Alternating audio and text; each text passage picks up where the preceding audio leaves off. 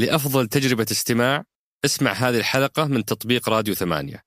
وتقدر تسمعها بدون موسيقى لو تحب. لو أخذنا مثلا الرياض آه، الأسعار تضاعفت أو تضخمت بشكل آه، غير مفهوم بالنسبة للناس واليوم المستهلك ضايع. فودنا نفهم أكثر التحديات الموجودة في العرض وتحديدا موضوع الأسعار وش رأيك فيه وإلى وين رايحين؟ إنه ال- ال- الارتفاع السريع هذا غير مبرر. ولكنه طبيعي. يعني دائما آه، في استغلال أحيانا لمثل هالفجوات. دورنا إحنا اليوم نتحرك بشكل أسرع. فأنتم غير راضين عنه.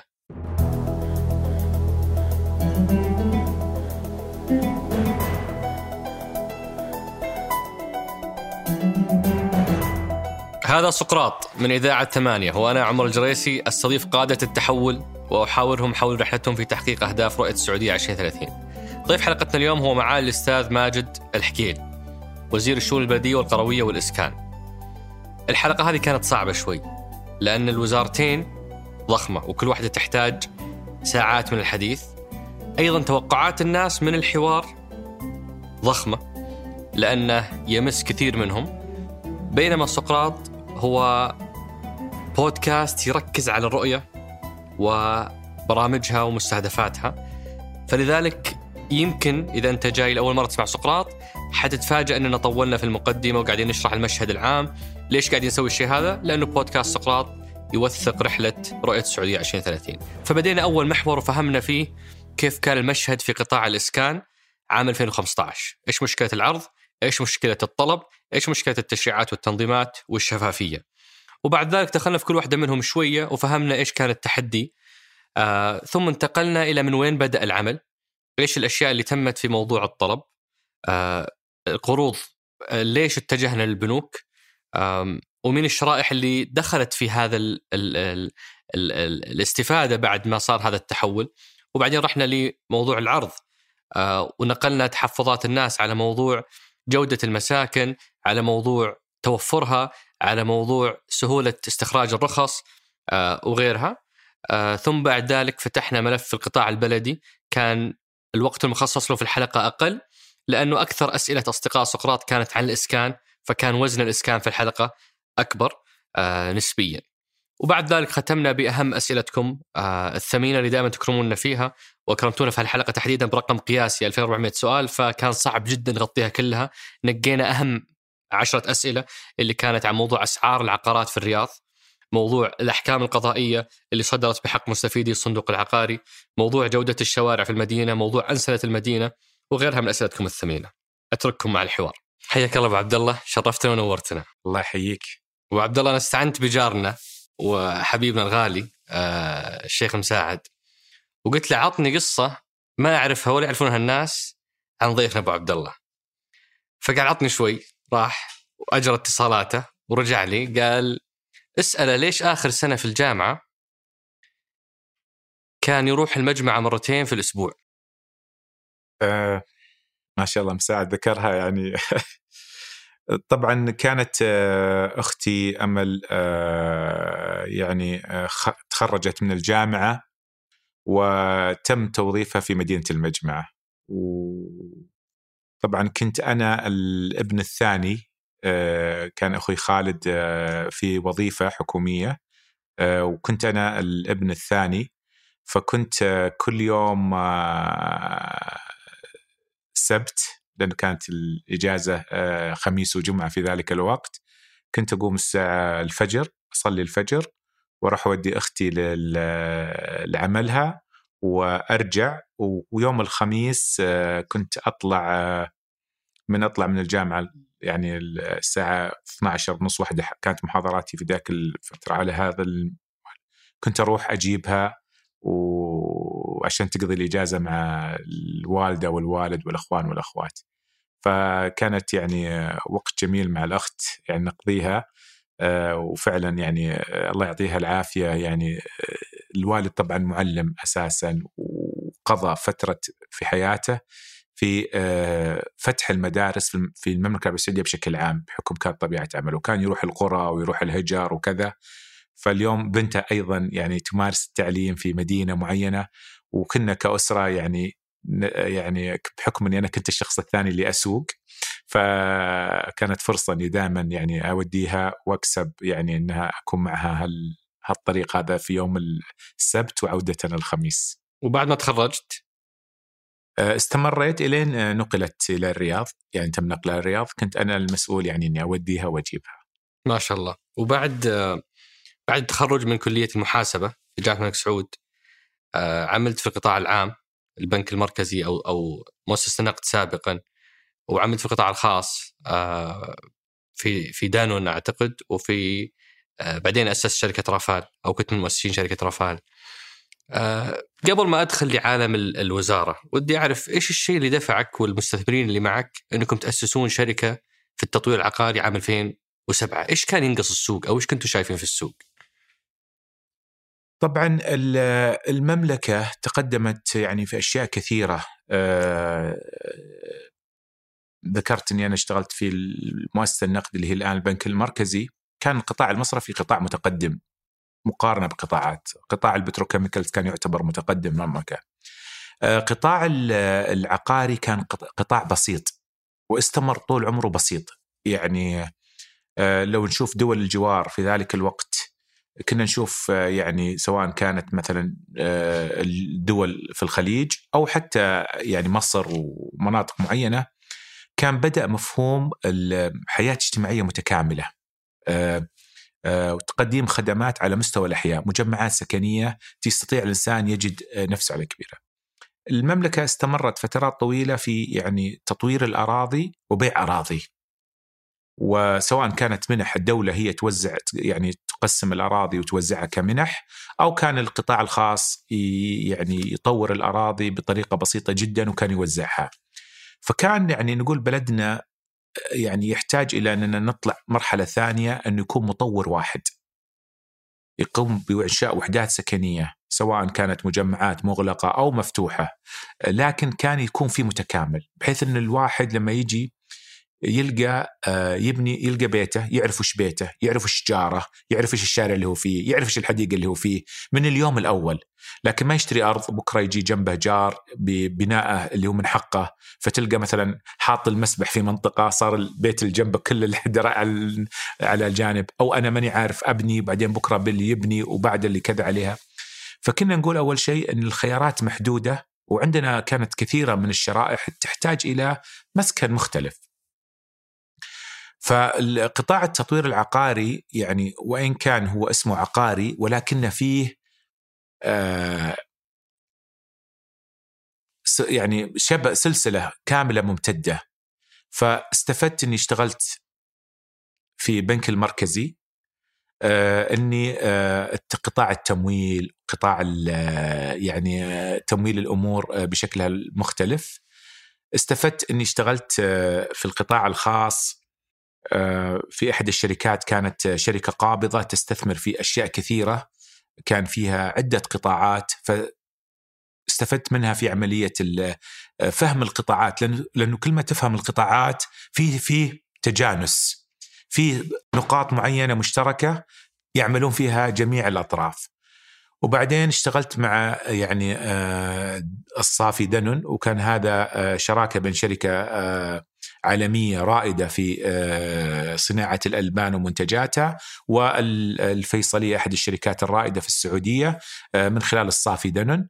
فتعلمت من الشركة يعني من الشريك دنون ال FMCG حقيقة يعني مفهوم ال FMCG وهذه القطاع وإن كان هو منتج لبن اللي هو لو بنترجمه نقول ال food ولا ولا ولا من وين جاي ال FMCG؟ ال FMCG من fast moving average يعني آه. goods فاللي هي المنتجات السريعة اللي توجه ف هذا القطاع دائما يعني لما نجي نشوف الشركات الرائدة زي بي ان جي زي Procter Gamble ولا يونيليفر ولا Nestlé ولا كل اللاعبين الكبار هي حقيقة قطاعات marketing تسويق هو الأصل في الشركة كيف تبني علامة تجارية واسم تجاري وينطبق منه كيف أنا افهم احتياجاتها، كيف أسوي السيجمنتيشن أو الفئات المستهدفة، كيف أقدم خدمة لهم على الجانب كله.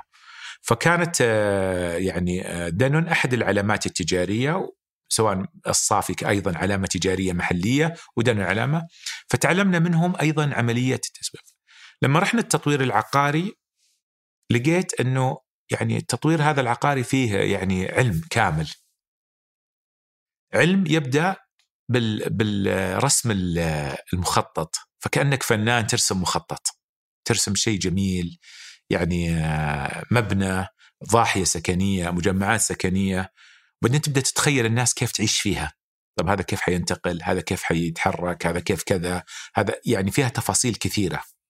الفرق بين اللوحة تشوف اللوحة.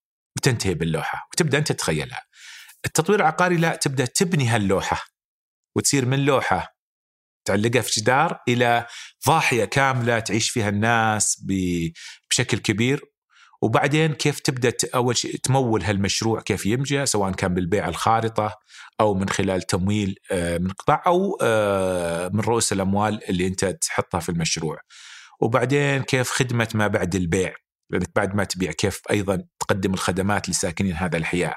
فالصناعة متكاملة فيها آه، فيها فيها أول شيء تخطيط فيها تسويق فيها مبيعات فيها بناء تشييد فيها خدمات ما بعد البيع خدمات صيانة آه، فصناعه متكاملة من من الصناعات اللي تجد فيها كل شيء والأجمل إنك تشوف الناس تتعايش بعدها تشوف مثلا إذا كان هو آه، مجمع عمودي تشوف الناس كيف تتحرك فيه لما يكون هو مجمع أفقي كيف الناس تتحرك فيه آه، بس يعني كانت هي عبارة عن هالخبرات اللي اكتسبناها في كل قطاع اشتغلنا فيه سابقا ومن منتصف 2015 أعتقد جولاي 2015 تم اختيارك وزير الإسكان واللي هو موضوع حلقتنا الأساسي اليوم. فودي أفهم أبو عبد الله أول شيء كيف كيف تلقيت الخبر؟ آه، إيش كان التوجيه أو ال ال ال الرؤية اللي عند ولي عهد لما اختارك لهذا الملف بعد أقل من ستة أشهر من تشكيل الحكومة الجديدة. آه، وإيش كان المشهد في قطاع الإسكان في جولاي 2015 من حيث العرض، الطلب، التشريعات، آه، السوق، آه، رغبات الناس، كل هذه ال ال يعني المعلومات خلينا نرجع نتذكرها اليوم ونرسم المشهد قدام المشاهد والمستمع. طبعا يمكن يعني سمو ولي العهد كان حريص في الرؤية أساسا إنه إنه كيف يخلي أول شيء إنه يكون آه، مجتمع حيوي. وكان أحد أحد المبادرات المجتمعية اللي هو تمكين الأسر السعودية. وأحد التمكين هو آه، تمكين تملك المنازل. فكيف نبني أصول للمواطنين ويكون أحد كيف أنا أخلي التملك بشكل عام أسهل؟ آه، فكان هذا محور مهم جدا. كيف نستطيع؟ أيضا كيف يكون هذا القطاع لأن قطاع التشييد والبناء في السعودية بشكل عام على أنه من أكبر القطاعات إلا أنه للأسف هذا القطاع لا يستفيد كثير منه الوطن من ناحية لا آه، المدفوعات لأنه كل ريال يمكن ينفق يمكن أكثر من 60 هللة يخرج برا البلد. العماله أغلبهم أجانب، كثير من المواد آه، تستورد فكثير من المدفوعات عليها.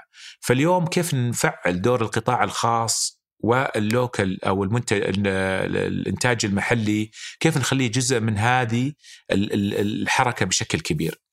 أيضا كان حريص سموه على أنه يشوف استدامة لهذا القطاع. يعني ما يكون قطاع يعتمد على مثلا آه، قطاع الحكومي فقط. يعني إذا فيه ميزانيات ودفعت للإسكان معناته حيتحرك القطاع، إذا وقفت هذه الميزانيات أو قللت تأثر هذا القطاع، كان يبغى يشوف قطاع مستدام، قطاع ناضج، متكامل بيئة فيها بشكل كبير وكان يعرف إنه أكبر تحدي في هذا القطاع إنه هذا القطاع لا يستطيع أن يعمل لوحده.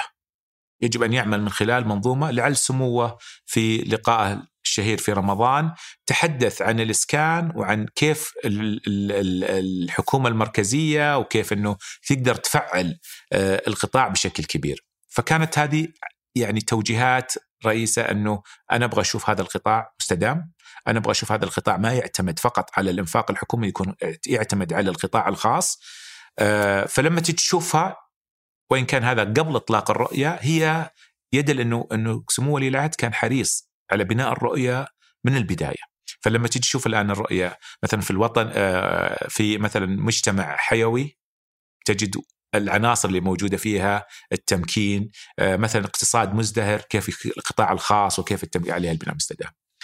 هذا آه، يمكن في البداية.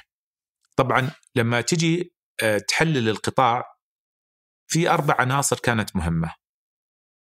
أول شيء قطاع العرض. إيش قاعد يعرض في السوق؟ في قطاع الإسكان. طبعا الإسكان يمكن يمثل 40% يعني دائما في العقار بشكل عام من 35 إلى 40% كيف الطلب في هذا القطاع؟ ونفهم الطلب وكيف نعالج الطلب؟ إيش الأنظمة والتشريعات اللي كانت موجودة وتحتاج إلى تطوير أو غير موجودة وتحتاج إلى بناء؟ والشيء الرابع أيضا كيف كيف شفافية هذا القطاع وكيف سهولة التعامل في هذا القطاع. هذه أربع مرتكزات أساسية كنا نفكر فيها لأنه نبغى نفهمها عشان نعرف كيف نبني برنامج الإسكان اللي يحقق طموح. سيدي خادم الحرمين الشريفين لما قال الإسكان هو أولوية بالنسبة لي. وأيضا توجيهات سمو ولي العهد في عملية بناء البرامج يتأكد إن فيها استدامة فيها فيها منظومة متكاملة ناضجة فيها شراكة مع القطاع الخاص والقطاعات القطاع الثالث ف لو أخذنا كل هالأربعة آسف لو قاطعتك ابو عبد الله كل هالأربعة هذول إيش أكبر تحدي في 2015 كان قدامك في كل واحد من هذه العناصر الأربعة؟ إيش أكبر تحدي في الطلب؟ إيش أكبر تحدي في العرض؟ إيش أكبر تحدي في السياسات؟ وإيش أكبر تحدي في إيش كانت النقطة الرابعة؟ اللي التس... الشفافية الشفافية ممتاز وسهولة التعامل إيش أكبر تحدي في كل واحد من الأربعة؟ إذا جينا ناخذ العرض على سبيل المثال العرض هو كان أول يعرض أراضي وقليل جدا كانوا ناس تبني 20 بيت 10 بيوت وتبيعها بشكل كبير فالعرض كان أكبر تحدي بالنسبة لي لأن العرض كان.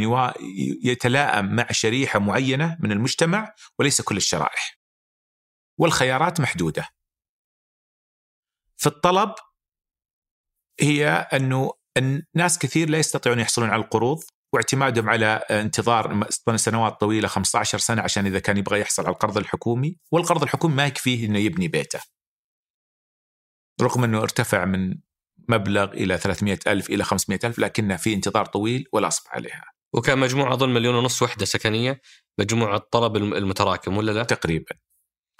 العنصر الثالث في الأنش تشريعات طبعا تعرف السكن في شقين في تملك وفي إيجار فالتملك أصلا كان يعني آه، أنظمته مثل اتحاد الملاك عشان أنت تسوي وحدات تتلائم مع ناس طبيعتها، يعني اليوم اللي يبغى يعيش في منطقة مشتركة آه، فيها خدمات مشتركة تقدر يعني زي اليوم أنا مثلا بشتري شقة في عمارة. إذا بشتري شقة في عمارة إذا ما نظمت باتحاد ملاك أنا ما أستطيع إني أنا أتملك في الشقة، لذلك سوق التملك في الشقق كان سوق ضعيف. صح إنه يختلف من منطقة إلى أخرى ولكن بشكل عام ضعيف. اللي حديث الزواج عادة تكون أسرة يعني شخصين يمكن إلى ثلاث أشخاص، قد لا يحتاج إلى منزل كبير في بداية يعني حياته، قد يحتاج إلى منزل أكثر أصغر. طيب أنا كيف أقدر أمكن هذا القطاع إنه يقدر يتمكن عشان أنا أحقق لي فئة معينة تحتاج إلى نوعية معينة من السكن كيف أستطيع عليها. أيضا الأنظمة التصاريح كان يأخذ التصريح فترة طويلة أه وجهات كثيرة تروح تزورها يمكن أحيانا توصل إلى عشر جهات عشان تحصل على تصريحك فكانت غير مشجعة أن الناس تجي عليها. فكانت كثير من الأنظمة والتشريعات غير موجودة.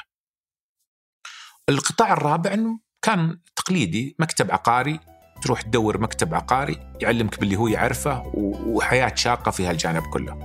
كل هذا قطاع كان فيه التحديات عشان تبني يبغى لك عمل كبير وسلسلة كبيرة وأهداف كبيرة عشان تقدر تحققها على هالجانب كله.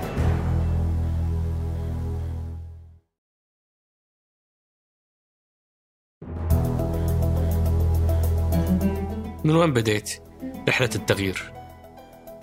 طبعا الأربعة كلهم مهمين لأنه في الأخير لازم يتعاملون مع بعض.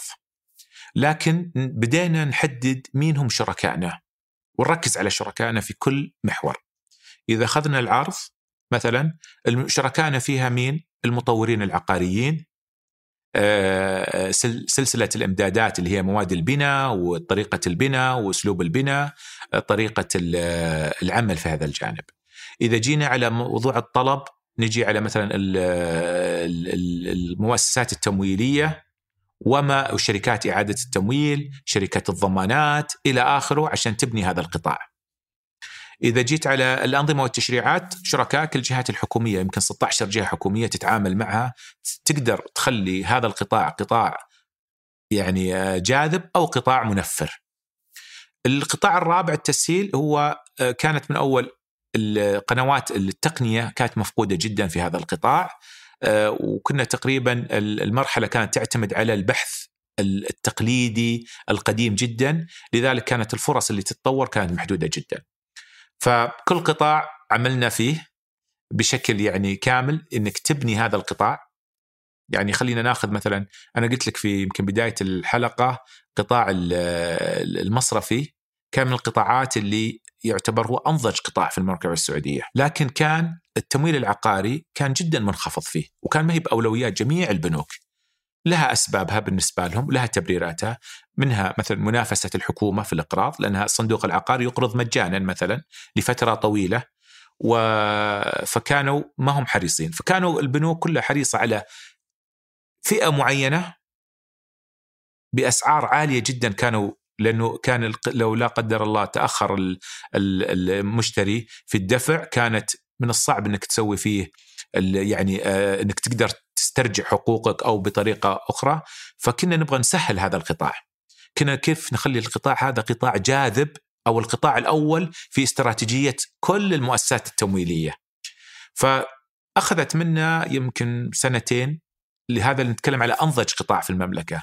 إنك آه، كنا نقوم بزيارات لكل المؤسسات التمويلية ونقدم لهم تحليل كامل عن السوق القدرة الشرائية لأن كنا نبغى نطلعهم من الشريحة اللي هم يستهدفونها إلى كل الشرائح التي تعمل سواء كان في الحكومة أو في القطاع العسكري أو في القطاع الخاص أو حتى ال entrepreneur اللي هم آه، أصحاب الأعمال سواء كان أعمال في مؤسسات عالية أو كانوا في مؤسسات بسيطة يعني ممكن يكون food truck أو كذا بس عنده دخل.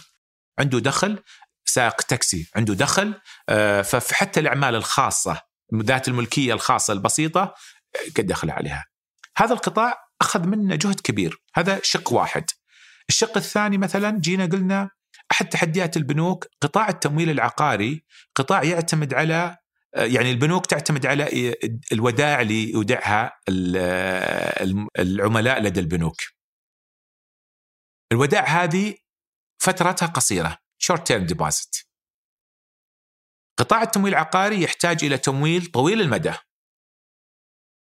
فالبنوك تكون تحت pressure إنها بين ودائع قصيرة المدى وإنها تقرض فترات طويلة. فعملنا على آه، تأسيس شركة إعادة تمويل تملكها صندوق الاستثمارات العامة وتقوم الدولة بتقديم الضمانات عليها بحيث أنه ال ال ال تعمل بشقين الشق الأول أنها, تت... أنها تعطيك أرخص أسعار أرباح ممكنة. الشيء الثاني هي تشتري المحافظ منك فتساعدك في آه، ال- المحافظ طويلة المدى فأنت بعد ما تقرض نسميه الأوريجينيتنج أو المقرض الأساسي بعد فترة سنة سنتين تقدر أنت تبيع المحفظة إلى شركة اعاده تمويل، شركة اعاده تمويل تروح تصككها محليا أو خارجيا وبعدين تبدأ تضخ السيولة مرة ثانية للقطاع المالي، فعالجنا أيضا الموضوع الثاني في قطاع التمويل. القطاع الثالث مثلا عشان تنجح المؤسسات التمويلية في ضخ الأموال كنا نحتاج إلى طيب أنا سائق تاكسي ويمكن شهر معين أقدر أحصل مبلغ والشهر الثاني يمكن أحصل نص المبلغ والشهر الثالث أحصل ثلاث ارباع المبلغ فما هو زي مثلا الطريقة البسيطة كانت. أول أنا موظف في ذا دخلي مضمون. فاليوم أجي أسسنا شركة ضمانات الحكومة تقول لك أنا أضمن إلى نسبة معينة من دخل العميل. بس اقرض المواطن لا توقف عن المواطن.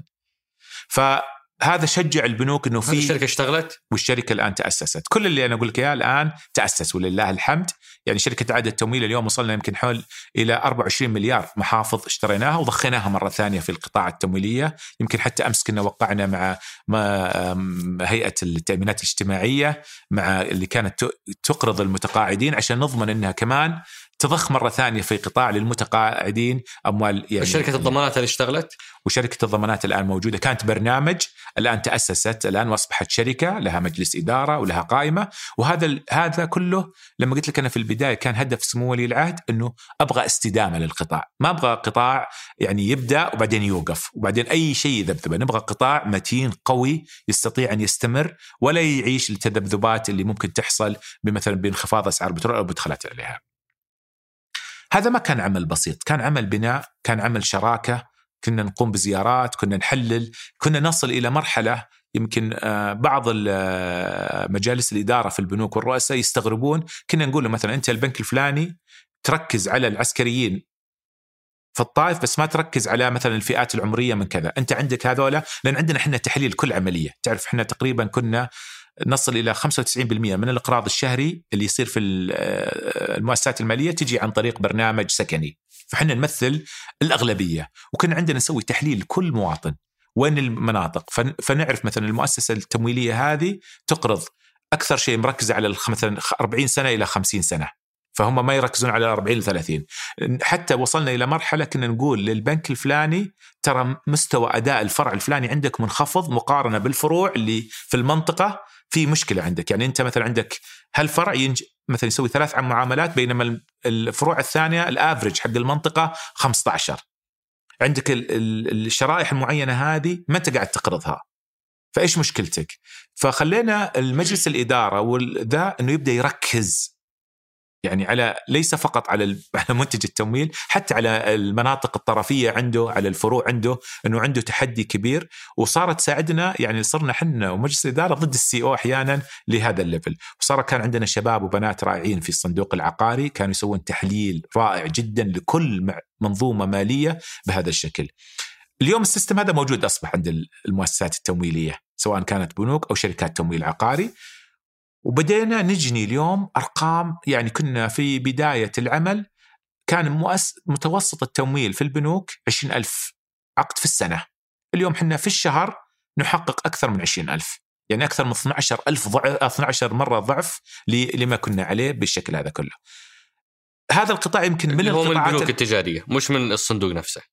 الصندوق طبعا صار يد- يلعب دور اللي هو الحكومة. أنا إما أني أنا أدعم بالأرباح بحيث إني أخفف على المواطن تكلفة الأرباح أو أقدم له برامج. يعني مش كل الناس تحتاج يعني آه، فقط الدعم في ناس تحتاج إلى أشياء أخرى. بس, بس اليوم صار من يجيب الدعم؟ لأن هذا دعم غير مسترد الدعم يروح. هذا من الميزانية. ميزانية الصندوق. من ميزانية الصندوق طبعا في دعم جاء من الحكومة اللي هو الدعم اللي تقدمه الحكومة كل سنة كبرنامج لدعم قطاع الإسكان. لكن الصندوق العقاري كان عنده رأس مال متبقي أو مبالغ متبقية.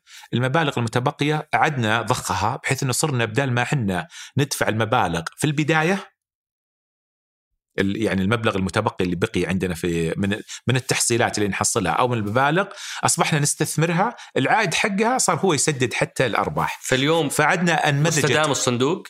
الصندوق اليوم مستدام للعدد اللي هم المرحلة الأولى، الدولة الآن حتدخل في المرحلة الثانية آه، وهكذا حنبدأ في برنامج. في مليارين أعتقد أو أو حولها أو مليار فاصل سبعة تدفع شهريا فوائد من الصندوق دعم أرباح. أو أرباح. إيه. هذه جاية من أرباح المحفظة حقتكم ما هو من رأس المال آه، أرباح رأس المال بال- بالإضافة إلى في دعم حكومي لأن الحكومة مستمرة في دعم هذا القطاع. مم. اليوم حنا ندعم يعني اليوم الصندوق يمكن على مدى 40 سنة دعم يمكن 850 ألف أو أقل في الثلاث سنوات الأخيرة دعمنا فوق ال 500 ألف فهذا يدلك على فاعلية آه، مثل هذا العمل لكن هذا لم يكن يتحقق لولا أن المنظومة كلها انبنت فاليوم لو اليوم لو تقرأ مثلا لو تتكلم مع أي مجلس إدارة بنك تجد أن قطاع التمويل العقاري أصبح من الأولويات في النمو عنده.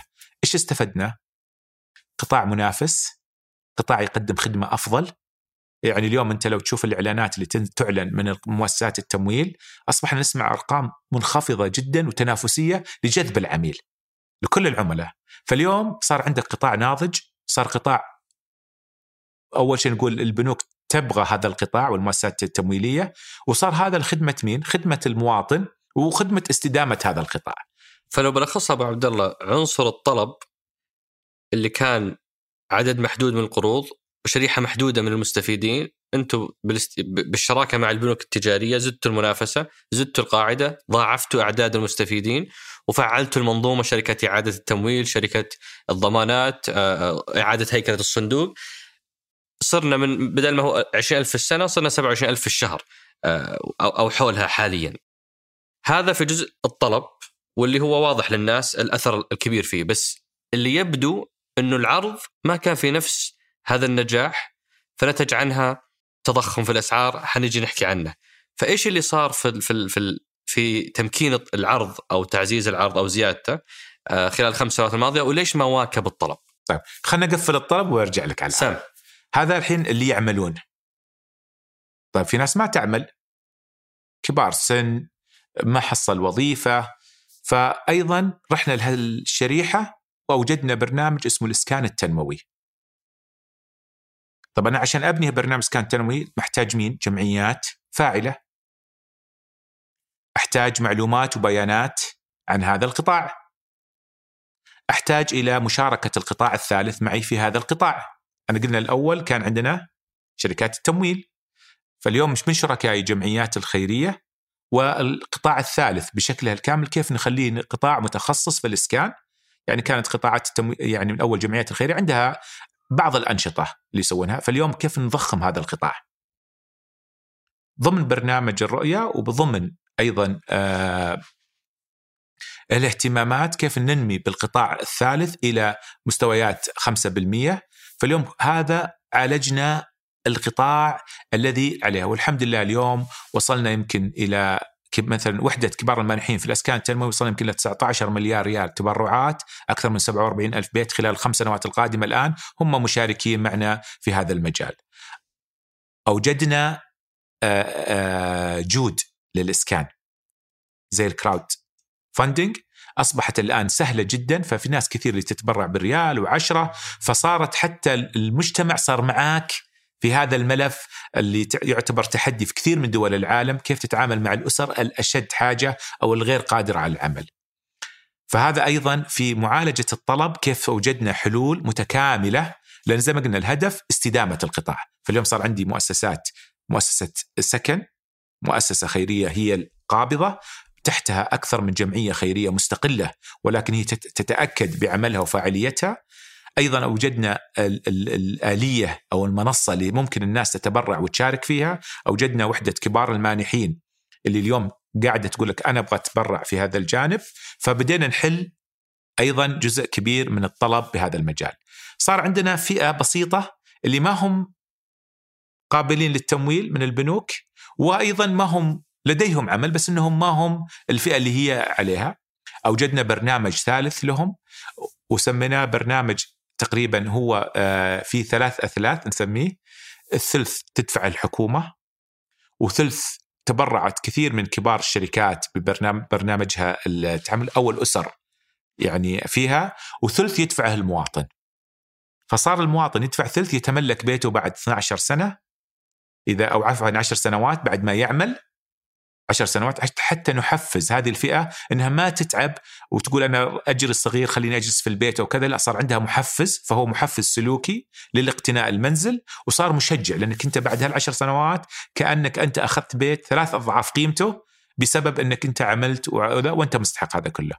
فبدأنا حنا نقفل الطلب من خلال عمل مستدام من خلال مؤسسات متخصصة قائمة تستطيع العمل وليس فقط جهة حكومية كما كان في السابق تبني فلل أو مجمعات ومرة كل فترة تداود بعدين توقف على هالجانب. وال 500 ولو بنلخصها بالارقام عندنا في القروض 500 ألف قرض تقريبا في في الثلاث سنوات اللي فاتت قرض مدعوم الاسكان التنموي كم كم مستفيد منه اليوم؟ اليوم إحنا أكثر من 47 ألف اللي مستفيدين هذول فعليا ساكنين بالانتفاع فعلا ساكنين الآن بالانتفاع موجودين. وعندنا الآن يعني القطاع الآخر شيء تكلمت عنه عندنا إن شاء الله في الثلاث شهور القادمة إحنا نسميه تجربة النموذج إنه يعمل. عندنا 4000 يعني بنستهدف 4000 أسرة إنهم يتملكون منزلهم بهذا الجانب.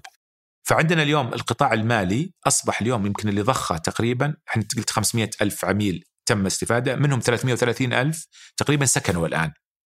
والباقيين إن شاء الله نتوقع يعني في 21 بعضهم يمكن في نص 22 يصير اكتمل بناء بيته أو شرى بيت على الخارطة ويكتمل عليه بالنسبة لل المبالغ اللي ضح ضخت في الاقتصاد من هذا القطاع يعني قيمة المنازل تعدت ال 300 مليار ريال. فقيمة تخيل 300 مليار انضخت في الاقتصاد مرة ثانية فتخيل أنت قطاع الإسكان قطاع ما هو بسيط لأنه البيت ينبني في كم يمكن في أكثر من 120 ما بين قطاع يتأثر فيه سواء كان في العمل الهندسي أو العمل المقاولات وما يتفرع منه أو الأثاث أو المكيفات أو المطابخ أو الزراعة. يعني تجد آه، سلسلة كبيرة تتحرك فهذه 300 مليار انضخت في السوق.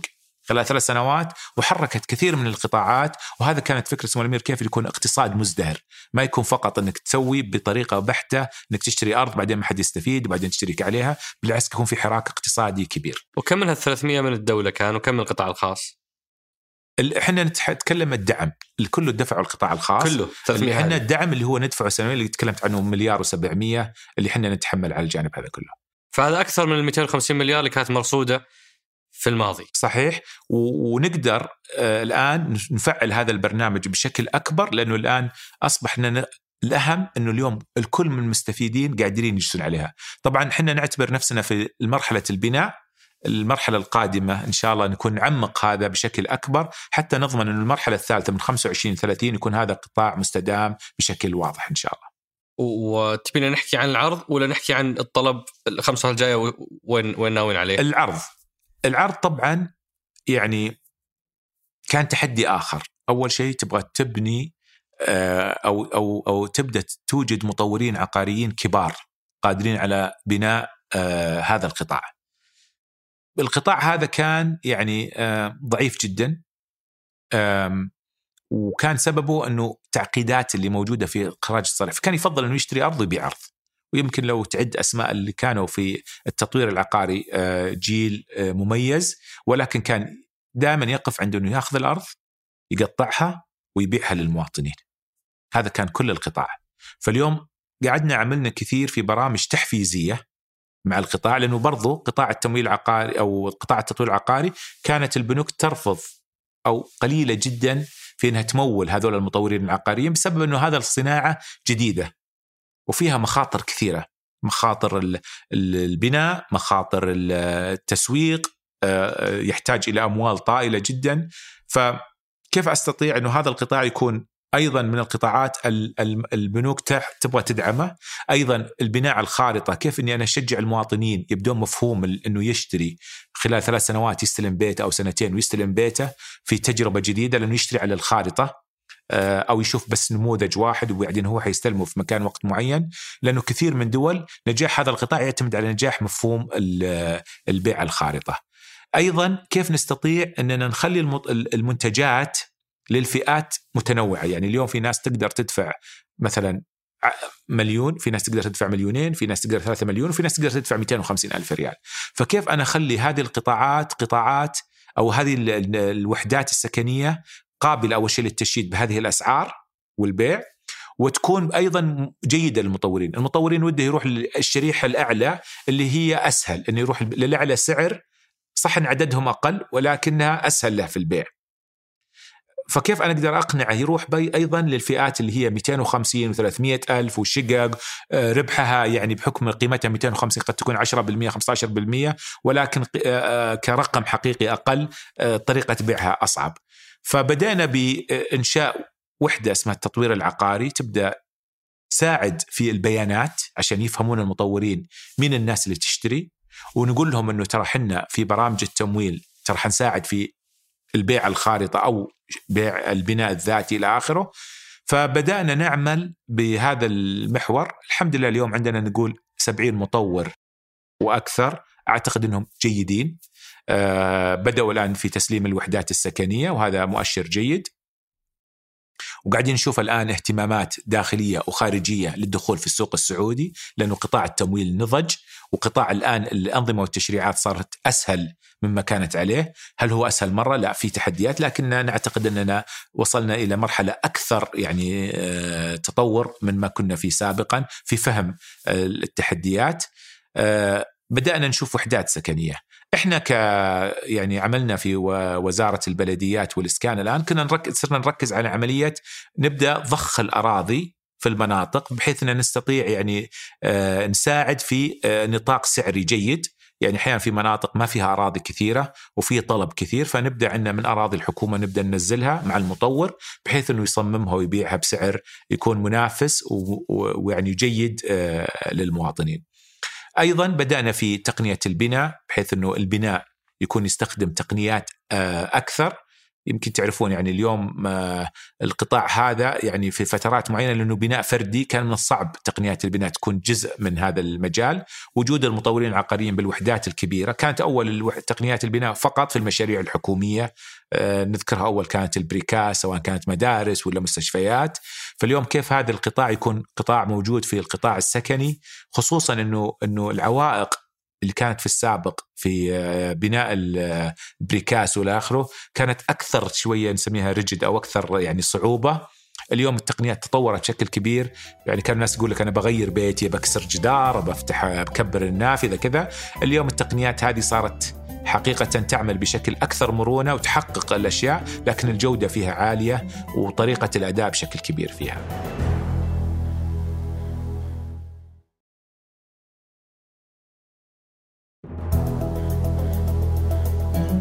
وهل في عندكم أرقام لحجم الفجوة بين العرض والطلب حاليا؟ لو أخذنا مثلا مدينة الرياض كمثال هل عند هل تقيسون بشكل دوري الفجوة بين العرض والطلب؟ طبعا. هو اليوم الرياض يعني تقريبا الوحدات اللي تشيد فيه في حدود 48 ألف إلى إلى 60 ألف وحدة سكنية في ال range هذا. تتحرك تزيد وتنقص بهذا ال range. بعضها يروح للسكن الأفراد وبعضها يروح سكن المؤسسي وبعضها يروح آه، للتأجير. آه، فهذه ثلاث دائما النماذج اللي تروح لها الوحدات السكنية. الطلب بالنمو اللي اللي شهدته الرياض، الرياض شهدت نمو كبير بعدين صار في استقرار في النمو. يعني الحمد لله اليوم ال ال ال نسبة البيوت الشاغرة اللي تقريبا في حدود 8 إلى 9% وهذا مؤشر يدل على استقرار المنطقة. 8 إلى 9% بيوت شاغرة يعتبر ما بين بيت ثاني أو بيت لم يؤجر أو بيت لم يباع يعتبر نسبة جيدة لأن هذا يسوي لك توازن في السوق. لو صار فيه يعني ارتفاع شديد الثمانية تشيل منك شيء فيمديك تقدر تضخ وحدات أسرع في السوق. فعندنا مؤشر الوحدات الفارغ أو الغير مستغلة موجود عندنا. الأسعار يمكن في الرياض آه، آه، شهدت شوي ارتفاع في هذا العام لكن على مستوى المملكة آه، إحنا نشوف استقرار يعني جيد بين العرض والطلب. تنوع الوحدات السكنية أسعارها من 250 إلى آه إلى يمكن فوق المليون و200 هذا ال average الأكثر حركة يعني في ال range. آه ويمكن رقم 700 ل 800 هو الأكثر بس في يعني 250 وفي مليون و200 وبعدين تجي عاد الشرائح الأكبر فيها. طيب اسمح لي أبو عبد الله أعطيك تعليقات بعض الأصدقاء اللي راضيين ومبسوطين من اللي قاعد يصير في الطلب وفي إنجاز واضح. العرض عندهم مشاكل كثيرة معه. رقم واحد تقنيات البناء. ما يرون إنها صار فيها شيء ملموس. هي نماذج عينات لكن أنا اليوم أبغى أشتري وحدة بهذا الشكل أو أو ما شفت مطور بنى مجمع في ستة شهور ولا ثمانية شهور ولا أقل من ذلك. فتقنيات البناء ما شفنا شيء على أرض الواقع. موضوع المركز إتمام مثلا أو أو خدمات المطورين كثير عندهم تجارب مريره مع وزارة الإسكان بأنها تعد بما لا تستطيع تنفيذه لأنها تتحول إلى أشبه بمعقب الأمانة فيأخذون منك المعامله يروحون يحاولون في الأمانة ويجتهدون لكن ما بيدهم شيء. فهم سألفة إنه من أربع سنوات إلى إلى شهرين عشان اعتماد مخطط ما في أحد قد نالها أو أو حصل عليها. ورقم ثلاثة هي موضوع الأسعار. لو أخذنا مثلا الرياض آه الأسعار تضاعفت أو تضخمت بشكل آه غير مفهوم بالنسبة للناس واليوم المستهلك ضايع ما بين شريحتين. شريحة تقول له هذا الوضع الطبيعي وترى أنت بشايف في رياض أراضي أقل من 10000 وناس ثانيين يقولون لا الأسعار هذه آه، ستنهار اصبروا لا تشترون فودنا نفهم أكثر التحديات الموجودة في العرض وتحديدا موضوع الأسعار وش رأيك فيه وإلى وين رايحين؟ طيب أنت أول شيء تكلمت عن تقنية البناء. آه، طبعا أي صناعة جديدة آه، تأخذ وقتها حتى ترى يعني آه، نضجها وعملها. ويمكن قلت لك في بداية الحلقة إحنا مرحلة البناء. نعتبر الثلاث سنوات الأولى اللي راحت أو الأربع سنوات اللي راحت مرحلة البناء. والحمد لله وصلنا إلى النهاية. أكيد وأنت تبني في أشياء تكون يعني أفضل من أشياء أخرى. تشييد البناء البناء أو البناء التقنيات المختلفة عن البناء التقليدي فيها شقين. الشق الأول اللي هو المواطن وعيه ورغبته في بناء لأنه يخ... بعض الناس يقول لك هذا بيتي ما أبغى أغامر فيه أبغى البناء التقليدي. ففي رغبة أصلا إنه نبغى نبغى لأنه هذا بيتي ما أبغى أجرب يتجرب عليه أبغى أتجرب على شيء ثاني. فهذا من ناحية القبول المنتجات اللي موجودة الجديدة. الشق الثاني أيضا المعرفة في البناء وأثرها في التقنيات وتوفر المواد وتوفر العمالة الماهرة في هذا الجانب. إحنا اليوم يمكن مولنا أكثر من 18 مصنع بمبلغ أكثر من مليار ريال. كمباني حنشوف أثرهم إن شاء الله قريبا. بدأوا بعضهم بدأت حتى شركات يعني أجنبية زي كاتيرا ساندو هاوس وفي أشياء كثيرة بدأت من برا وجت بتقنياتها وبدت معنا في مشاريع سواء كانت مع الاسكان التنموي أو مع الاسكان العادي. آه، أقدر أقول لك يمكن من ال 130 ألف أو 140 ألف وحدة اللي وقعت شركة آه، الشركة الوطنية للإسكان مع المطورين العقاريين يمكن 50% منها تستخدم نماذج مختلفة عن البناء التقليدي. يعني في أكثر من نموذج آه، منها ال precast منها ال gauge steel إلى آخره. ف اليوم أنا أعتقد عندنا فرصة كبيرة أيضا نطور هذا القطاع. يمكن كان قبل أسبوع تكلمت مع أخوي بندر الخريف وقلت له شوف خلينا نشتغل اليوم. إحنا كنا يعني نعتقد إنه التمويل هو المحفز الأكبر للقطاع. أنا أعتقد لا هم يبغون في البداية يعني شيء من الضمان الشراء لبعض الوحدات، إحنا عندنا في القطاع مع شرك مع شركائنا المطورين وكذا أكثر من يمكن 300 ألف وحدة ستضخ في السوق، يمكن إحنا نسوي برنامج متكامل ما بين وزارة البلديات والإسكان، وزارة الصناعة، برنامج الصناعات، برنامج الإسكان، خلينا نعمل على نموذج نفهم وين نقدر نشجع هذا القطاع، أنا واثق يعني إنه هذا القطاع سيكون له من 20 21 ل 25 أحد النقلات النوعية في العمل. طبعا في اللي هي التقنيات اللي هي لسه ما نسميها إحنا ال 4 جي وال 5 جي في الصناعة مثل الطباعة الثلاثية في مثل الروبرت في روبوت يعني يبني الأشياء هذه كلها هذه طال عمرك يعني هي أصلا لسه في بداياتها على مستوى العالم اليوم اشتغلنا مثلا على سابق لما جينا أخذنا بيت كنموذج واشتغلنا عليه اكتشفنا إنه 60 70% من التكلفة بسبب نوع الحبر أو يسمونه الاسمنت نوع الحبر اللي يستخدم في هذا البيت. آه، اشتغلنا مع سابق الآن، سابق طلع التقنيه أصبحت سعرها مشابه جدا إلى سعر الاسمنت الطبيعي. فحنا نقدر نضمن حنشتغل على قريبا على بروتايب أو على نماذج 10 بيوت وجاهزين إن ننطلق فيه لكن أنا أعتبره لسه ما هو يعني ما لسه ما حيدخل في النطاق. يعني هو في العالم لسه في بداياته آه، بسبب إنه ما زال فيه الصناعة هذه تحتاج إلى مرونة أكثر في نوع المنتج. ولكن في بعض المنتجات ممكن نبدأ فيها في عليها. آه، ف أنا متفائل بطريقة العمل اللي حنعمله مع أخي بندر الخريف وفريقه المميز في وزارة الصناعة مع برنامج الصناعات أننا نطلع بشيء مميز في من 21 ل 25 في نطلع بهذا البرنامج بعد ما فهمنا تحديات المصنعين. آه، أيضا المطورين العقاريين كيف نقدر ندعم إنهم يدخلون بتحفيزهم. أيضا المهارة العمالة اللي حتشتغل فيها مثل هذه الصناعات آه، تحتاج إلى سكيلز إحنا جربنا في مثلا البناء الطباعة الثلاثية زميلات وزملاء دربوا في عشر أيام هم اللي بنوا البيت اللي موجود في شمال الرياض. فموجود. هذا فيما يخص الإجابة على موضوع الصناعات أو أو التقنيات في البناء من المفهوم التقليدي. العنصر الثاني الإتمام. يعني إتمام مع إنه يعني يعتبر في بداية يعني عليها هو بلاتفورم هو أوجد لأنه يربط كل القطاعات. هي هي في الأخير أنت ما تستطيع تأخذ لأنك سويت وحدة إنك تأخذ آه، صلاحيات الغير. ولكن سوينا نموذج بحيث ان نبدأ نشوف الخلل وين. لأن عندنا شركاء هم اللي يعطونا الرخصة. سواء مثلا كانت البلديات سواء كانت الدفاع المدني سواء كانت مثلا إذا هي في مناطق على البحر جهات أخرى إلى آخره. فاليوم إذا كان إذا كانت المشكلة في وجود الأرض مثلا في منطقة فيها تحديات في مثلا صكها أو في مناطق مثلا حرجة أو في مناطق معينة هذا ياخذ مساره. لكن الزملاء على الأقل أنتجوا 330 في فترات أقل من 90 يوم. 330 مخطط؟ مخطط. اعتمد من خلال مركز إتمام.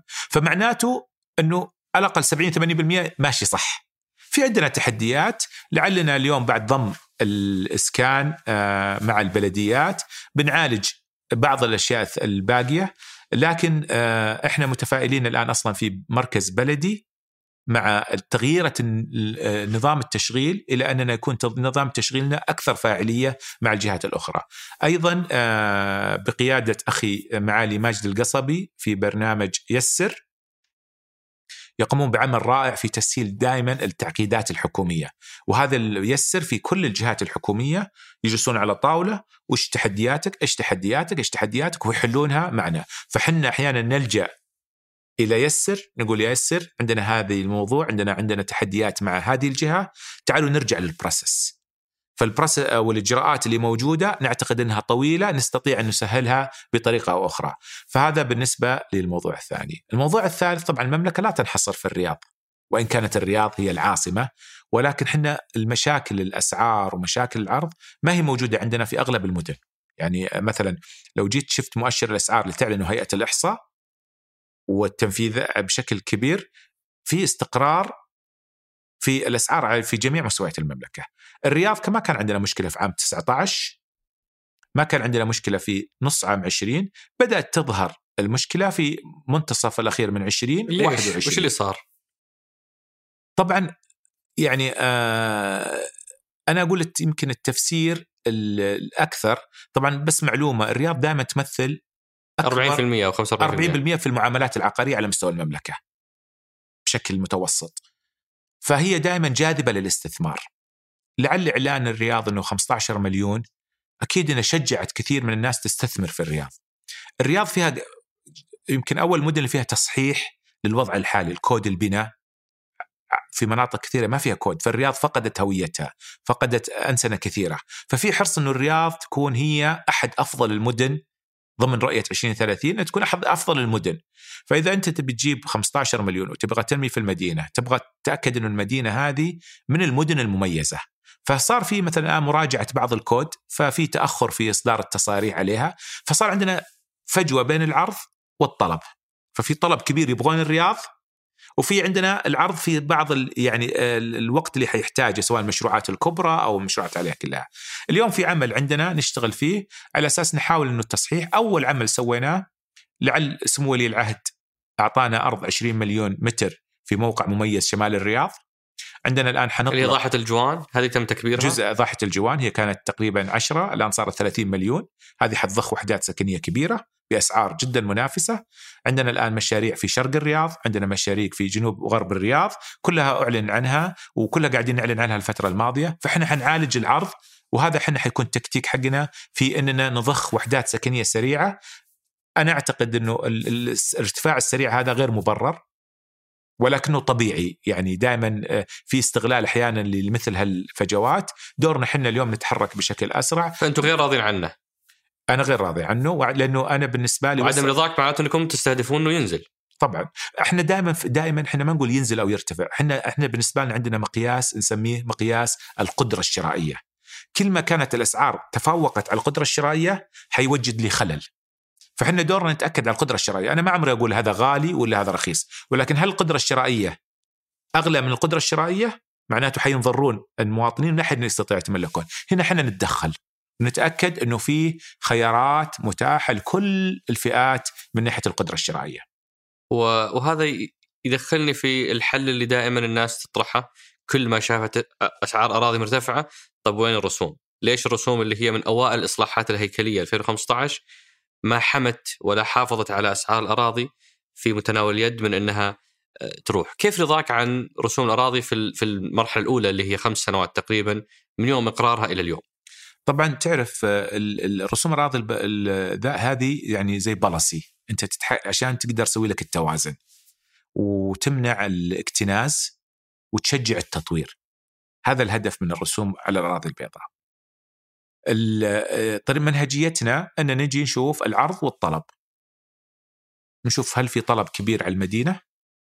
طيب هل في عرض أراضي متوفرة؟ وبناء عليه نحدد أماكن معينة. يعني صار في طلب يس جينا طلب وعندنا العرض بدأ يقل ولكن وجدنا من العرض أنه في أراضي متاحة أصحابها لا يبغون يطورونها. بناء عليها نفرض رسوم في مناطق معينة لذلك لو لاحظت في كل الثلاث مدن الأولى اللي بدأناها وبعدين ال 17 مدينة نحدد مناطق لأن إحنا ما نبغى بعد نكبر المدينة في مناطق ما فيها بنية تحتية ولا نرهق المواطنين في رحلات يعني أكثر على الجانب كله. أنا أعتقد الحمد لله يمكن رصدنا أكثر من 410 مليون ولذلك جزء من استقرار الأسعار وضخ الوحدات السكنية في الفترات الماضية سببت هذا الاستقرار. عشان كذا أنا أقول الحركة اللي تيجي سريعه هذه أنا ما أعتبرها يجب أن لا نقلق، يجب أن نتعامل معها بحجمها الحقيقي. نعم ارتفعت الأسعار سنتعامل معها بحجمها الحقيقي لنتأكد أن الأسعار تكون مناسبة للقدرات الشرائية في المنطقة، لأنه استراتيجيتنا اليوم نبغى الناس تجي للرياض، إذا ما قدروا يشترون في الرياض لن تجي ما تجي الناس الرياض عليها. آه، فإحنا اليوم بنقيم الرياض إذا استمر يعني إحنا الآن بدينا بضخ وحدات سكنية حنضخ أراضي أساس نخفف من الفجوة بين الطلب والعرض هذا الأسلوب الأول. قاعدين الآن نشوف الأراضي التي يعني إذا ما تحركت ولا صار في تعديل قد تكون فرض الرسوم المرحلة الثانية اللي الحمد لله الآن صار فيها بتنظيم الجديد اللي يعتمد من مجلس الوزراء مؤخرا.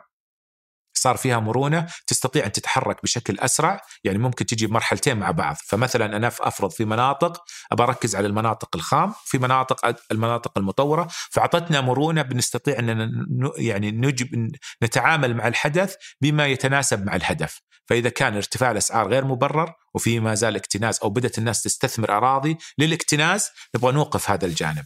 وفي ناس ابو عبد الله من المواطنين يقول طيب يا أخي ليش ما تطبق الاربع مراحل مباشرة وتريحنا؟ إيش إيش الشيء اللي ما هو بواصل لهالشريحة؟ ليش ما تطبق فورا الرسوم بمراحلها الاربعه آه، حتى يتوفر معروض هائل من الأراضي وتنخفض الأسعار؟ شوف عشان بس ما يكون في يعني آه، إرباك للسوق، أول شيء اليوم لو بغيت إحنا الهدف اليوم إيش؟ نمنع الاكتناز ونحافظ على توازن الأسعار. هذا الهدف صح؟ فإذا العرض والطلب حقق لك الأهداف هذه وبدأت تمشي عليها والدليل على ذلك انها حققنا 500 ألف مواطن وخدمنا يعني فوق ال 800 ألف المرحلة الماضية منهم كانوا أراضي يشترونها من السوق فكان في توازن أنت اليوم ما تقدر تبني كل المدينة لأنه عندك يعني الاحتياج محدود ما عندنا هذه الفجوة الكبيرة صح ولا لا؟ فأنت تتعامل بأسس توازن عشان يحافظ على السوق كله، القدرة حقت البناء، قدرة الخدمات وتوفر الخدمات، يعني أنت اليوم ما تقدر تبني كل شيء صح ولا لا؟ إذا ما فيها خدمات أساسية.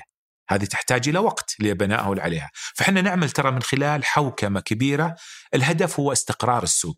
بس هو يمكن يعني يقول ببساطة يعني زي ما يقول لا تشيلون همي، أنا أهم شيء بشتري أرض بسعر رخيص وأنا أدبر أموري أصبر على الخدمات بس على الأقل أضمن أرض بسعر رخيص لأنها هي العنصر المتغير بشكل متعب بالنسبة للناس. وهذا اللي إحنا نشتغل على توازنه، فبرنامج الرسوم سيتعامل مع كل مرحلة بما يحتاجها المرحلة، ولكن لن نعمل ارباك للسوق بالاحتياجات اللي عليها، يعني اليوم مثلا أنت عمر شريت أرضك.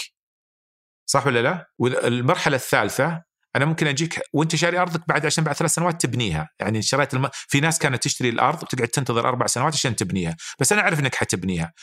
فرض الرسوم عليك لن يخدم هدف خفض الأراضي، لذلك ليش أنا أستهدف عمر أو أستهدف اللي عنده أرض واحدة بهذا المجال؟ فحنا الآن نعمل بحوكمة واضحة وضعت كل مرحلة هي الآن أصبحت ثلاث مراحل، كانت أربع الآن أصبحت ثلاث مراحل، الهدف منها دائما استقرار السوق اللي عليها، والدليل على ذلك إنه أغلب مناطق المملكة الحمد لله الآن ما عندنا مشاكل فيها، مدينة الرياض وليس منطقة الرياض هي اللي عندنا فيها تحدي، وأعتقد الآن في اهتمام حتى دعم من سمو ولي العهد إنه هذا يعني يكون في تصحيح سريع إن شاء الله. وابو عبد الله يعني شاهد حق أغلب برامجكم في شفافية عالية في الأرقام، في المستهدفات، في المتحقق إلا رسوم الأراضي. ما هو يعني دائما في تجنب لذكر كم الفواتير اللي ص... اللي اللي اللي أصدرت وكم الذي تم تحصيله وكم الذي لم يتم تحصيله، هذا الرقم ليش يعني ما تشاركونه مع الناس؟ طيب قد يكون قصور لكن هو تقريبا اللي فوترت 411 مليون وأعلنت 411 مليون متر متر مربع بس كم تساوي مبالغها هذه؟ هي تختلف واحيانا مثلا إحنا مثلا أفوتر عمر عمر يعترض. يعني يمكن يكون موقف لأنه صكه كان في مشكلة أو في تداخل مع كذا معين في إيقاف من الحكومة. أو مثلا أرض وقعت في فهذا ما حيدفع لين تحل مشكلته. إلى تحل مشكلته. فلذلك في تذبذب عليها. لكن إحنا صرفنا أكثر من مليار و450 من مستحصلات على البنية التحتية في البلد.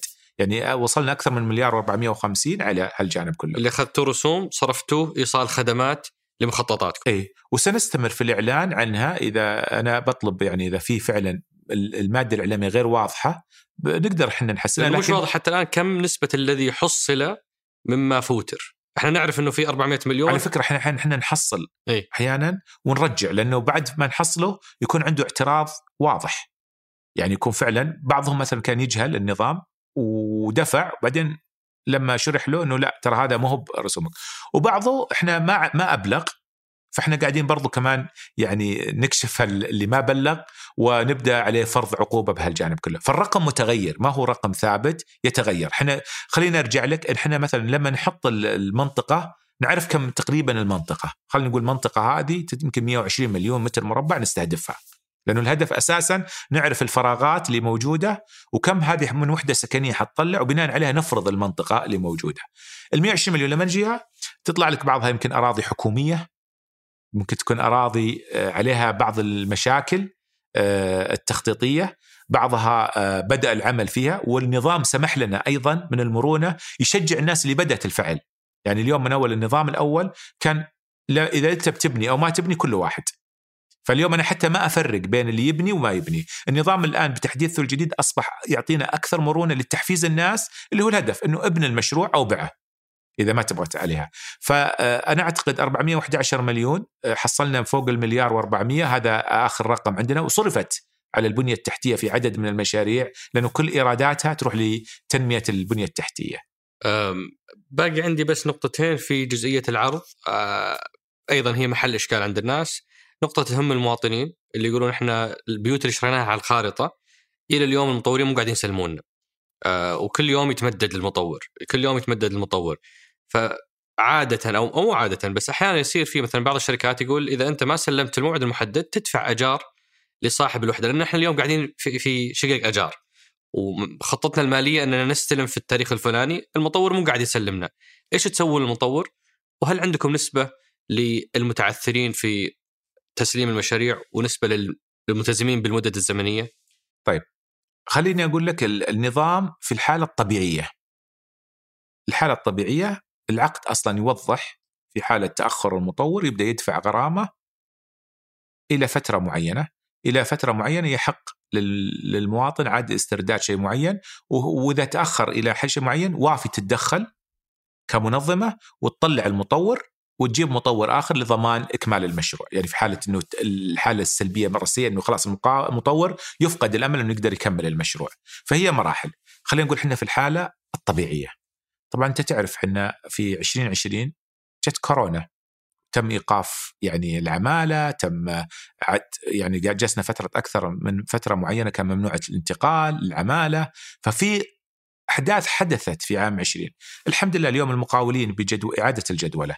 آه، بدأوا الآن يرجعون. يمكن عندنا مشروعين. نحتاج أن نتدخل بشكل أكثر يعني قوة ولكن بشكل عام أنا أعتقد أنه أنه طبيعي لازم نتعامل مع الحدث بكل أشياء المعينة. أنا ما ألوم المواطن يقول أنا ما لي علاقة لكن هذا واقع. اللي الحمد لله اللي استطعنا بدعم مع زملائنا في البنك المركزي أنه الأقساط اللي تندفع أيضا يتم إعادة جدولتها الآن آه، بعد عدد كثير من المؤسسات المالية قبلت معنا في العقد حتى لا نرهق المواطن بهذا العمل. لكن الإجراء أساسا لو ما كانت يعني كورونا موجودة كان كثير من المشاريع سلمت وإحنا نقف عليها بشكل مباشر ونتابعها بشكل مباشر. عندنا مشروعين أعتقد من المشاريع اللي موجودة ولا يعني اعتبار كبير فيها وهذا طبيعي يحصل تعثر في بعض المشاريع، الآن هم في الإنذار الأخير وإذا ما صار فيه الآن إحنا طبعا ننذره ولكن نتفاهم مع مطورين بحيث إنه يأخذ المشروع ونضمن كمال هالجماعه ويتحمل العقبات اللي بهالشكل هذا كله. فالمشروعين هذه لو ما التزموا أنتم مجهزين مطور بديل حيجي وحيكمل. طبعا طبعا. أه إحنا إحنا وافي عنده الصلاحية في حال إنه المطور ما دام ملتزم بالكاش عنده حالتين يرجع الكاش للمستثمرين بما عليها في حالة موافقتهم يعني اليوم مثلا أنا اشتريت في وحدة وبعدين المطور تأخر عن الفترة اللي هي مقبولة نسميها فأنا يحق لي كمواطن أسترجع مبلغي بعد ما تمر الفترة اللي هي الفترة مسموح فيها بعد التأخر يعني خلينا نقول تأخر ستة شهور أو أربعة لأن كل عقد له يعني هي رضا من الطرفين لكن بعدها إذا إذا يا إنه يرجع الفلوس بالالتزامات اللي عليه بالغرامات أو إن إحنا نضطر نتدخل ونشيل المطور ونحطه مطور آخر. والمشكلة الثانية وهذه برضو بستعين فيها بسؤال صديقي جميل بما إنه هو المصور عشان ما يخربط علينا الصورة. جميل يقول إن المساكن آه تروح لشريحة في النص اليوم قاعدة تستفيد من فجوة انتهاء المشروع ونزول القرض. فالمشاريع تكتمل إحنا يا المواطنين اللي لأجلنا بنيت هالمشاريع ما ما نقدر نشتريها لأنه لازم قرض ولازم إتمام البناء فيجون مستثمرين يشترون المشاريع هذه ويشترون الوحدات هذه يربحون لهم 15 أحيانا 20% بس فترة انتظار شهرين بعدين يرجعون يبيعون علينا إحنا أصحاب البنوك أو أحيانا حتى ما يبيعون خلاص يأجلونها فأنت يا صاحب القرض تلاقيك تدور وراء المشاريع مشروع مشروع ما حد يبيعك لأنه يبي إما الكاش أو إنك أنت حتدفع premium آه، فقط لأنك أنت ما عندك قدرة شرائية فورية. آه، أنا ما أعرف وش مشكلة جميل يعني يبغى لنا نجلس لأن كل مشكلة لها يعني أشياء أخرى لما نسأل عنها يعني نعرفها بشكل أكبر.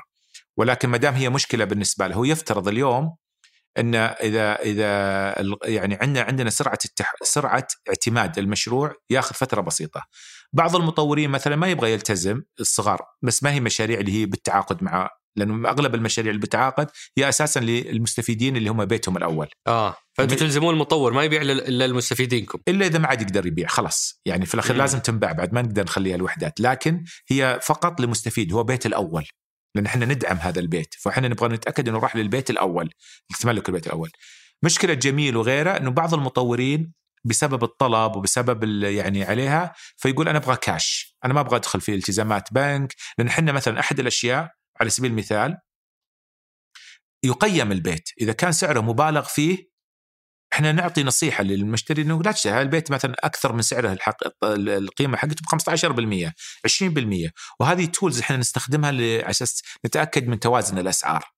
فبعض المطورين الصغار خلينا نسميهم اللي عنده أرب لأنه ما يقدر يتخلى الكبار ما يقدر يتخلى لأنه يحتاج إلى المؤسسه المالية فهو كلها ثلاث بيوت أربع بيوت وعنده 20 واحد يشتري. فاللي بيشتري كاش هو أولى له عشان يخلص معه بثاني يوم. لكن حقيقة يعني آه، أي مواطن يرجع آه، يتأكد إنه بس مجرد إنه يقدم للقرض أول شيء هو شو يصير؟ أنا كمثلا جميل مستحق للقرض اوريدي ياخذ موافقة أولية ويعرف الحجم اللي ياخذه من خلال المستشار العقاري. فيقول له أنت تقدر تاخذ إلى مثلا مليون إلى مليونين أنا مدعوم 500 ألف بدون أرباح والباقي عليك. فيصير واضحة له. هذا الرقم إذا أخذه يستطيع إنه مثلا يشوف البيت البيت طبعا يحتاج إلى تقييم التقييم ترى ما يأخذ ولا ثلاثة أيام. بعدين يروح يأخذ موافقة أولية. قد يختلف من مصرف لمصرف لكن بشكل عام عندنا يعني الترانزاكشن تأخذ بشكل أكبر. وحنا يعني بنحاول إنه يعني يمكن المطورين اللي ما يبغون يتجاوبون إنه يقول لك أبغى أبيع كاش لأن هذا حقه. ما تقدر تمنع إنه يبيع كاش ولا يبيع صح ولا لا؟ لا. لأن هذا مشروعه الخاص وله إحنا في سوق حر يعني ما لكن مشاريعكم المدعومة اللي هي ارض أرضكم أو اللي مستفيدة من قروض منكم البيت الأول لازم يكون مستفيد مسجل عندي. امم آه. فيبي لك تسأل جميل إنه هل هو مستفيد من الإسكان ولا ولا هو غير مستفيد فإذا هو مستفيد إحنا نضمن إنه فعلا يعني عندنا صراحة شباب وبنات في المستشار العقاري يعني يعطونك أفضل الأسعار وكيف تاخذها بسرعة ويحللون. حتى ممكن يقول لك رح للمصرف المالي لأنه الشريحة هذه هو هو اهتماماته. فعندنا يعملون بشكل يعني احترافي جدا رائع هذول في تطبيق سكني ولا, ولا هذول في تطبيق سكني ومن موظفين الصندوق العقاري المستشار العقاري نسميه. المستشار العقاري. نعم. آه أنا بختم سؤال يعني إحنا طولنا في الإسكان وأنت وزير الإسكان والبلدية لكن لأن 80% من أسئلة الأصدقاء كانت عن الإسكان فقلنا نعطي الملف هذا الجزء الأكبر من وقتنا. بس أنا أبغى أختم بأننا نفهم المشهد من اليوم 2021 إلى 2025 كيف بيكون مشهد قطاع الإسكان؟ إيش الشيء اللي بيستمر؟ إيش الشيء اللي بيتوقف؟ هل القرض المدعوم بيتوقف ولا حيستمر؟ آه المستثمرين وين تبغاهم يركزون؟ إيش تقول لهم يتوجهون له؟ المواطنين اللي يبغى يتملك مسكن الأول، هل ينتظر ولا بتجي أشياء أفضل ولا يبادر ويشتري يلحق عمرة قبل ما توقف بعض الأشياء ودنا نفهم إيش الاستراتيجية في قطاع الإسكان للخمس سنوات الجاية إحنا قلنا ال- ال- المرحلة الأولى كانت مرحلة بناء والبناء الحمد لله في أشياء كثيرة يعني آه، حققت الأرقام ويمكن تجاوزتها بشكل كبير. المرحلة الثانية اللي هي من 21 إلى 25 هو تعميق جودة اللي كل اللي سويناه. فزي ما قلت أنت كانت تكلمت عن مثلا سرعة التراخيص فنبغى نجود اليوم سرعة التراخيص.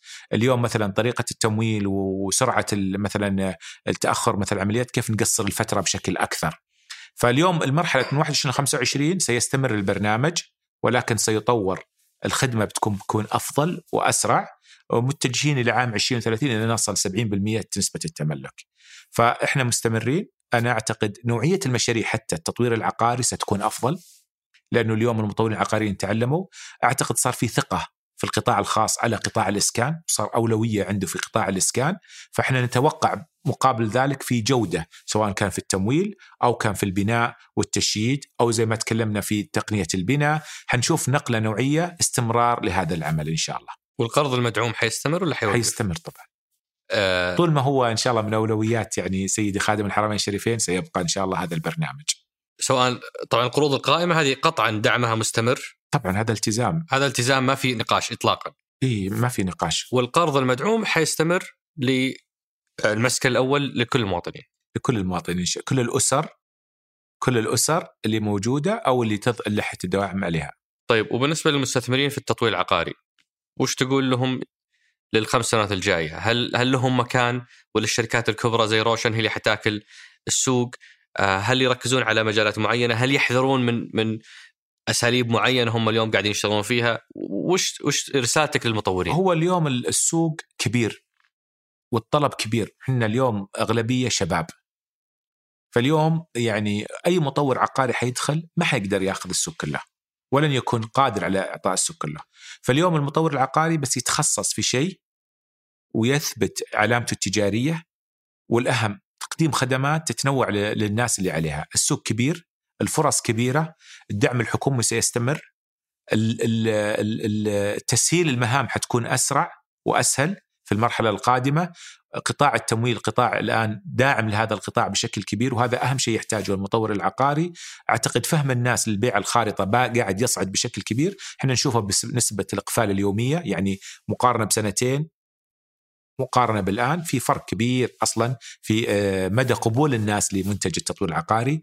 أعتقد من خلال هذا السنة بدأنا إحنا العام الماضي بس السنة هذه حنبدأ نشوف تسليمات وحدات أكثر مج... مجتم... يعني مجمعات سكنية أفضل. أعتقد هذا حيشجع الناس يبدون عليها.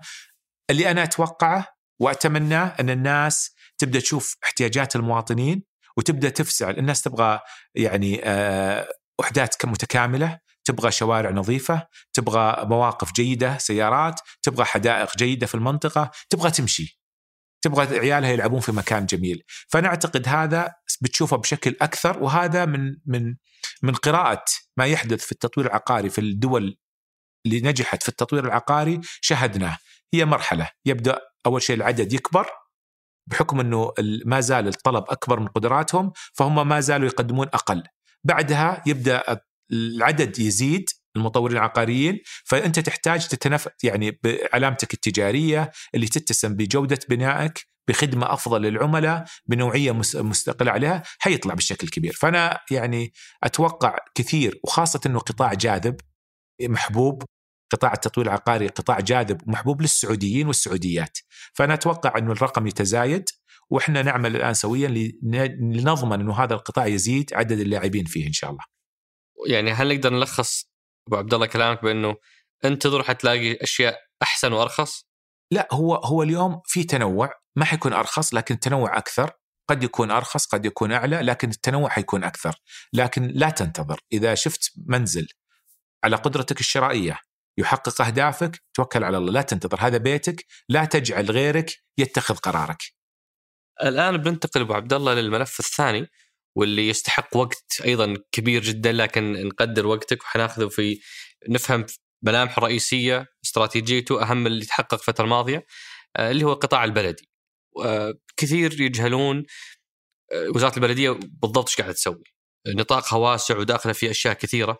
فلو تعرفنا في البداية أبو عبد الله إيش هو القطاع البلدي؟ أنت وزير ال- البلديات كمكلف من فبراير 2020 إلى أن تم دمج ال ال الإسكان مع البلدية فودنا نفهم وش القطاع البلدي؟ وش وش الخدمات اللي يقدمها؟ ونبغى نفهم ليش الإسكان دمجت معه آه، بال- بالهيكل الجديد. طبعا القطاع البلدي هو يمكن آه، يعني آه، تشغيل المدينة كاملة. فعندك ال- الوزارة كديوان وعندك البلديات كمشغلين أو الأمانات والبلديات مشغلين للأمانة. إحنا دورنا في الوزارة كمنظم ومشرع والبلديات هم اللي يعملون باستراتيجية وبتنظيم إنه تشغيل المدينة بشكل كبير. ينحصر عملنا يمكن في خمس محاور أساسية. المحور الأول اللي هو ال- التخطيط المكاني والمشهد الحضري. حقيقة يمكن هذا أكبر تحدي عندنا لأنه التخطيط المكاني سواء كان على مستوى المدينة أو على مستوى المملكة والمناطق والمشهد الحضري وزيادة الجاذبية البصرية وزيادة أنسنة المدن. المحور الثاني اللي هو النفايات كرمكم الله والنظافة والسلامة الصحية. المحور الثاني البنية التحتية، اليوم نحن نمشي بطرق آه، منارة فيها أرصفة، فكيف البنية التحتية هذه تكون يعني موجودة في المدن وفاعلية أكثر. العنصر الرابع اللي هو التراخيص والامتثال والتشغيل هذا بشكل كامل اللي هم كل ما يعمل اليوم البيت يحتاج إلى رخصة، المحل التجاري يحتاج إلى رخصة، بعضها إحنا عندنا رخص مكانية فقط يعني إحنا نعطي رخصة مكانية والجهة اللي تشغله تعطي رخصة تشغيلية وبعضها إحنا نعطي رخصة مكانية ورخصة تشغيلية، فهذا قطاع والرقابة عليه أيضا. القطاع الخامس اللي هو استدامة المدن. كيف نجعل المدن هذه يعني تستطيع أن تصرف على نفسها من خلال إيراداتها ومكتسباتها.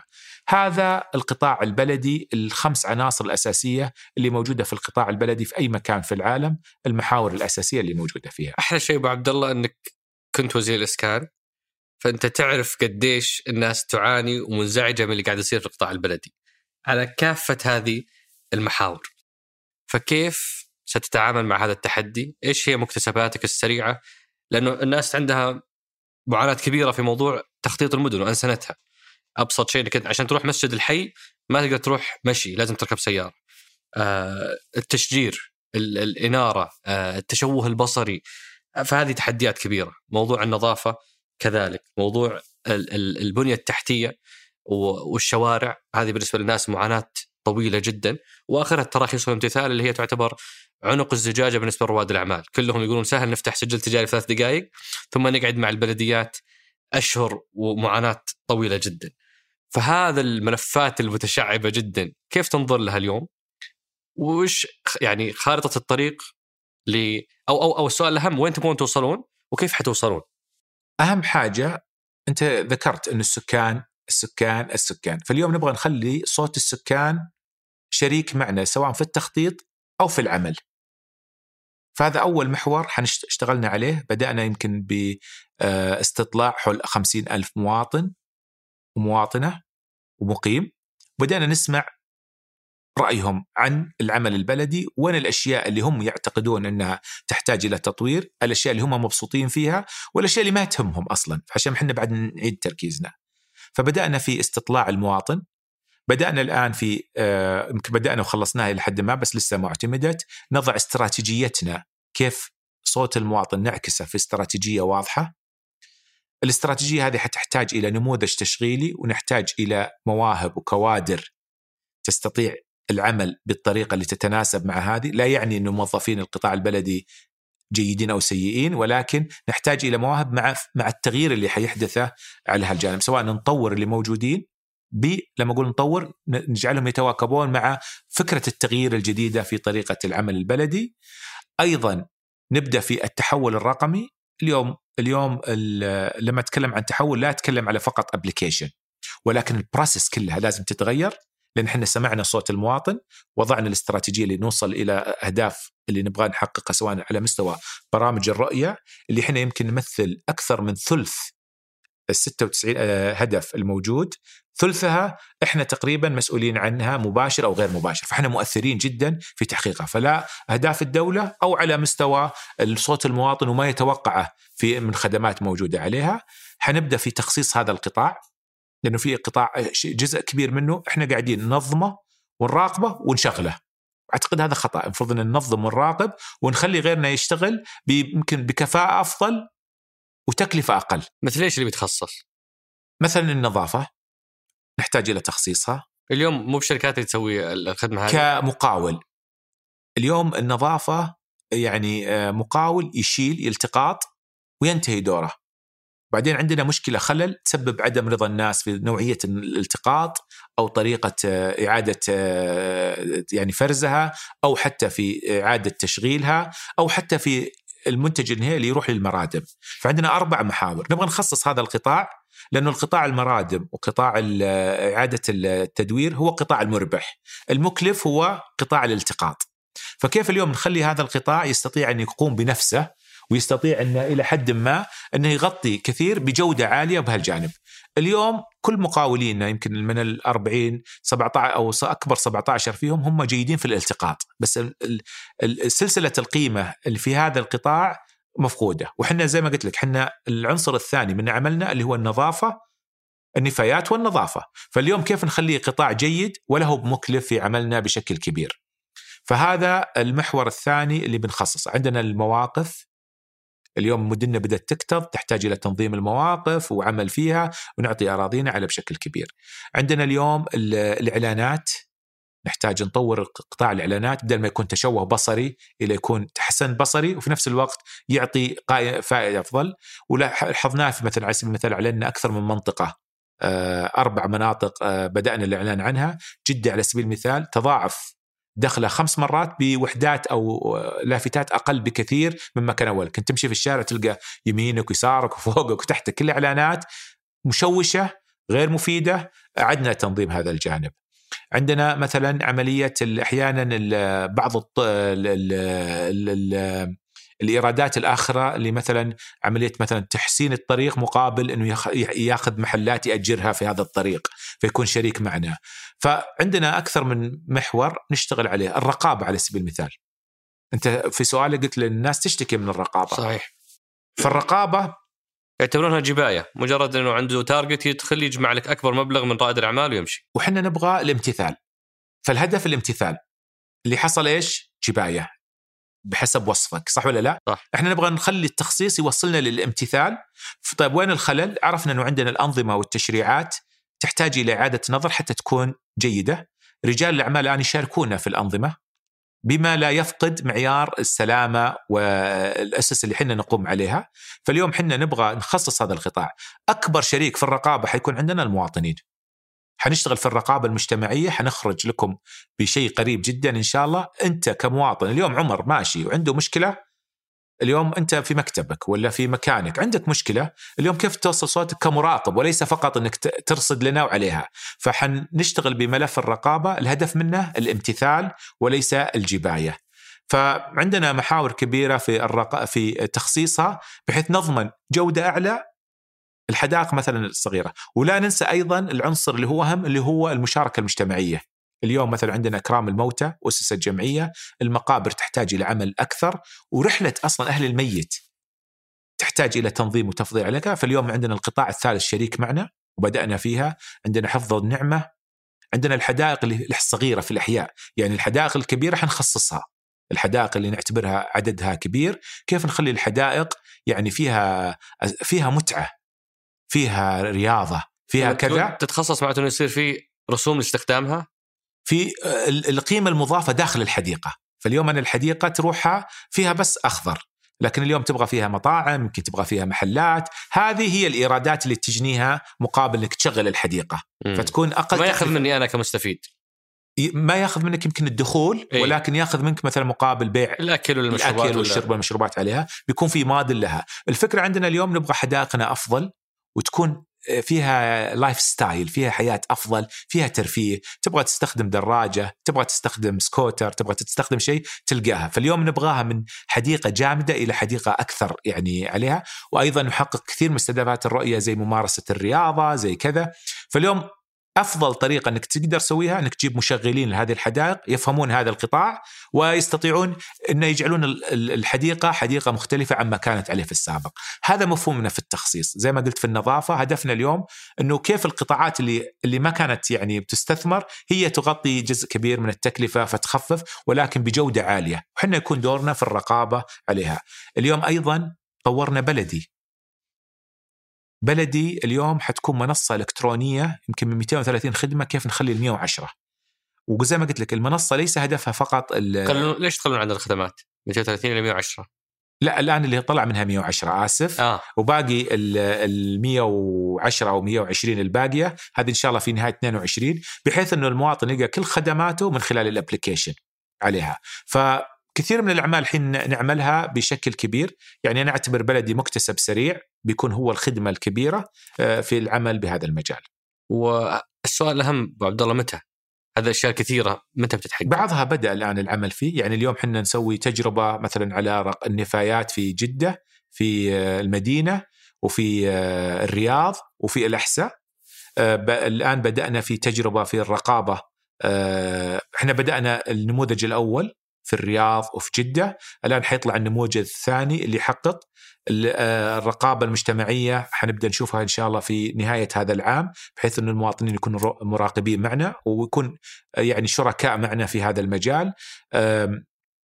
المواقف already أعلنت وفتحت مزاداتها في الرياض حيكون هو أول تجربة اللي اللي هو الطريق الذهبي نسميه إحنا اللي فيه بين الملك فهد والعليا العام. فكثير قاعدين نشتغل بس تعرف إحنا ما نستطيع نعمل بشكل كبير لأنه ما نسوي يعني ذا. نبغى نتأكد أول شيء من pilot على منطقة أو على مدينة نتأكد من نجاح التجربة لأن إحنا في القطاع البلدي قطاع حساس.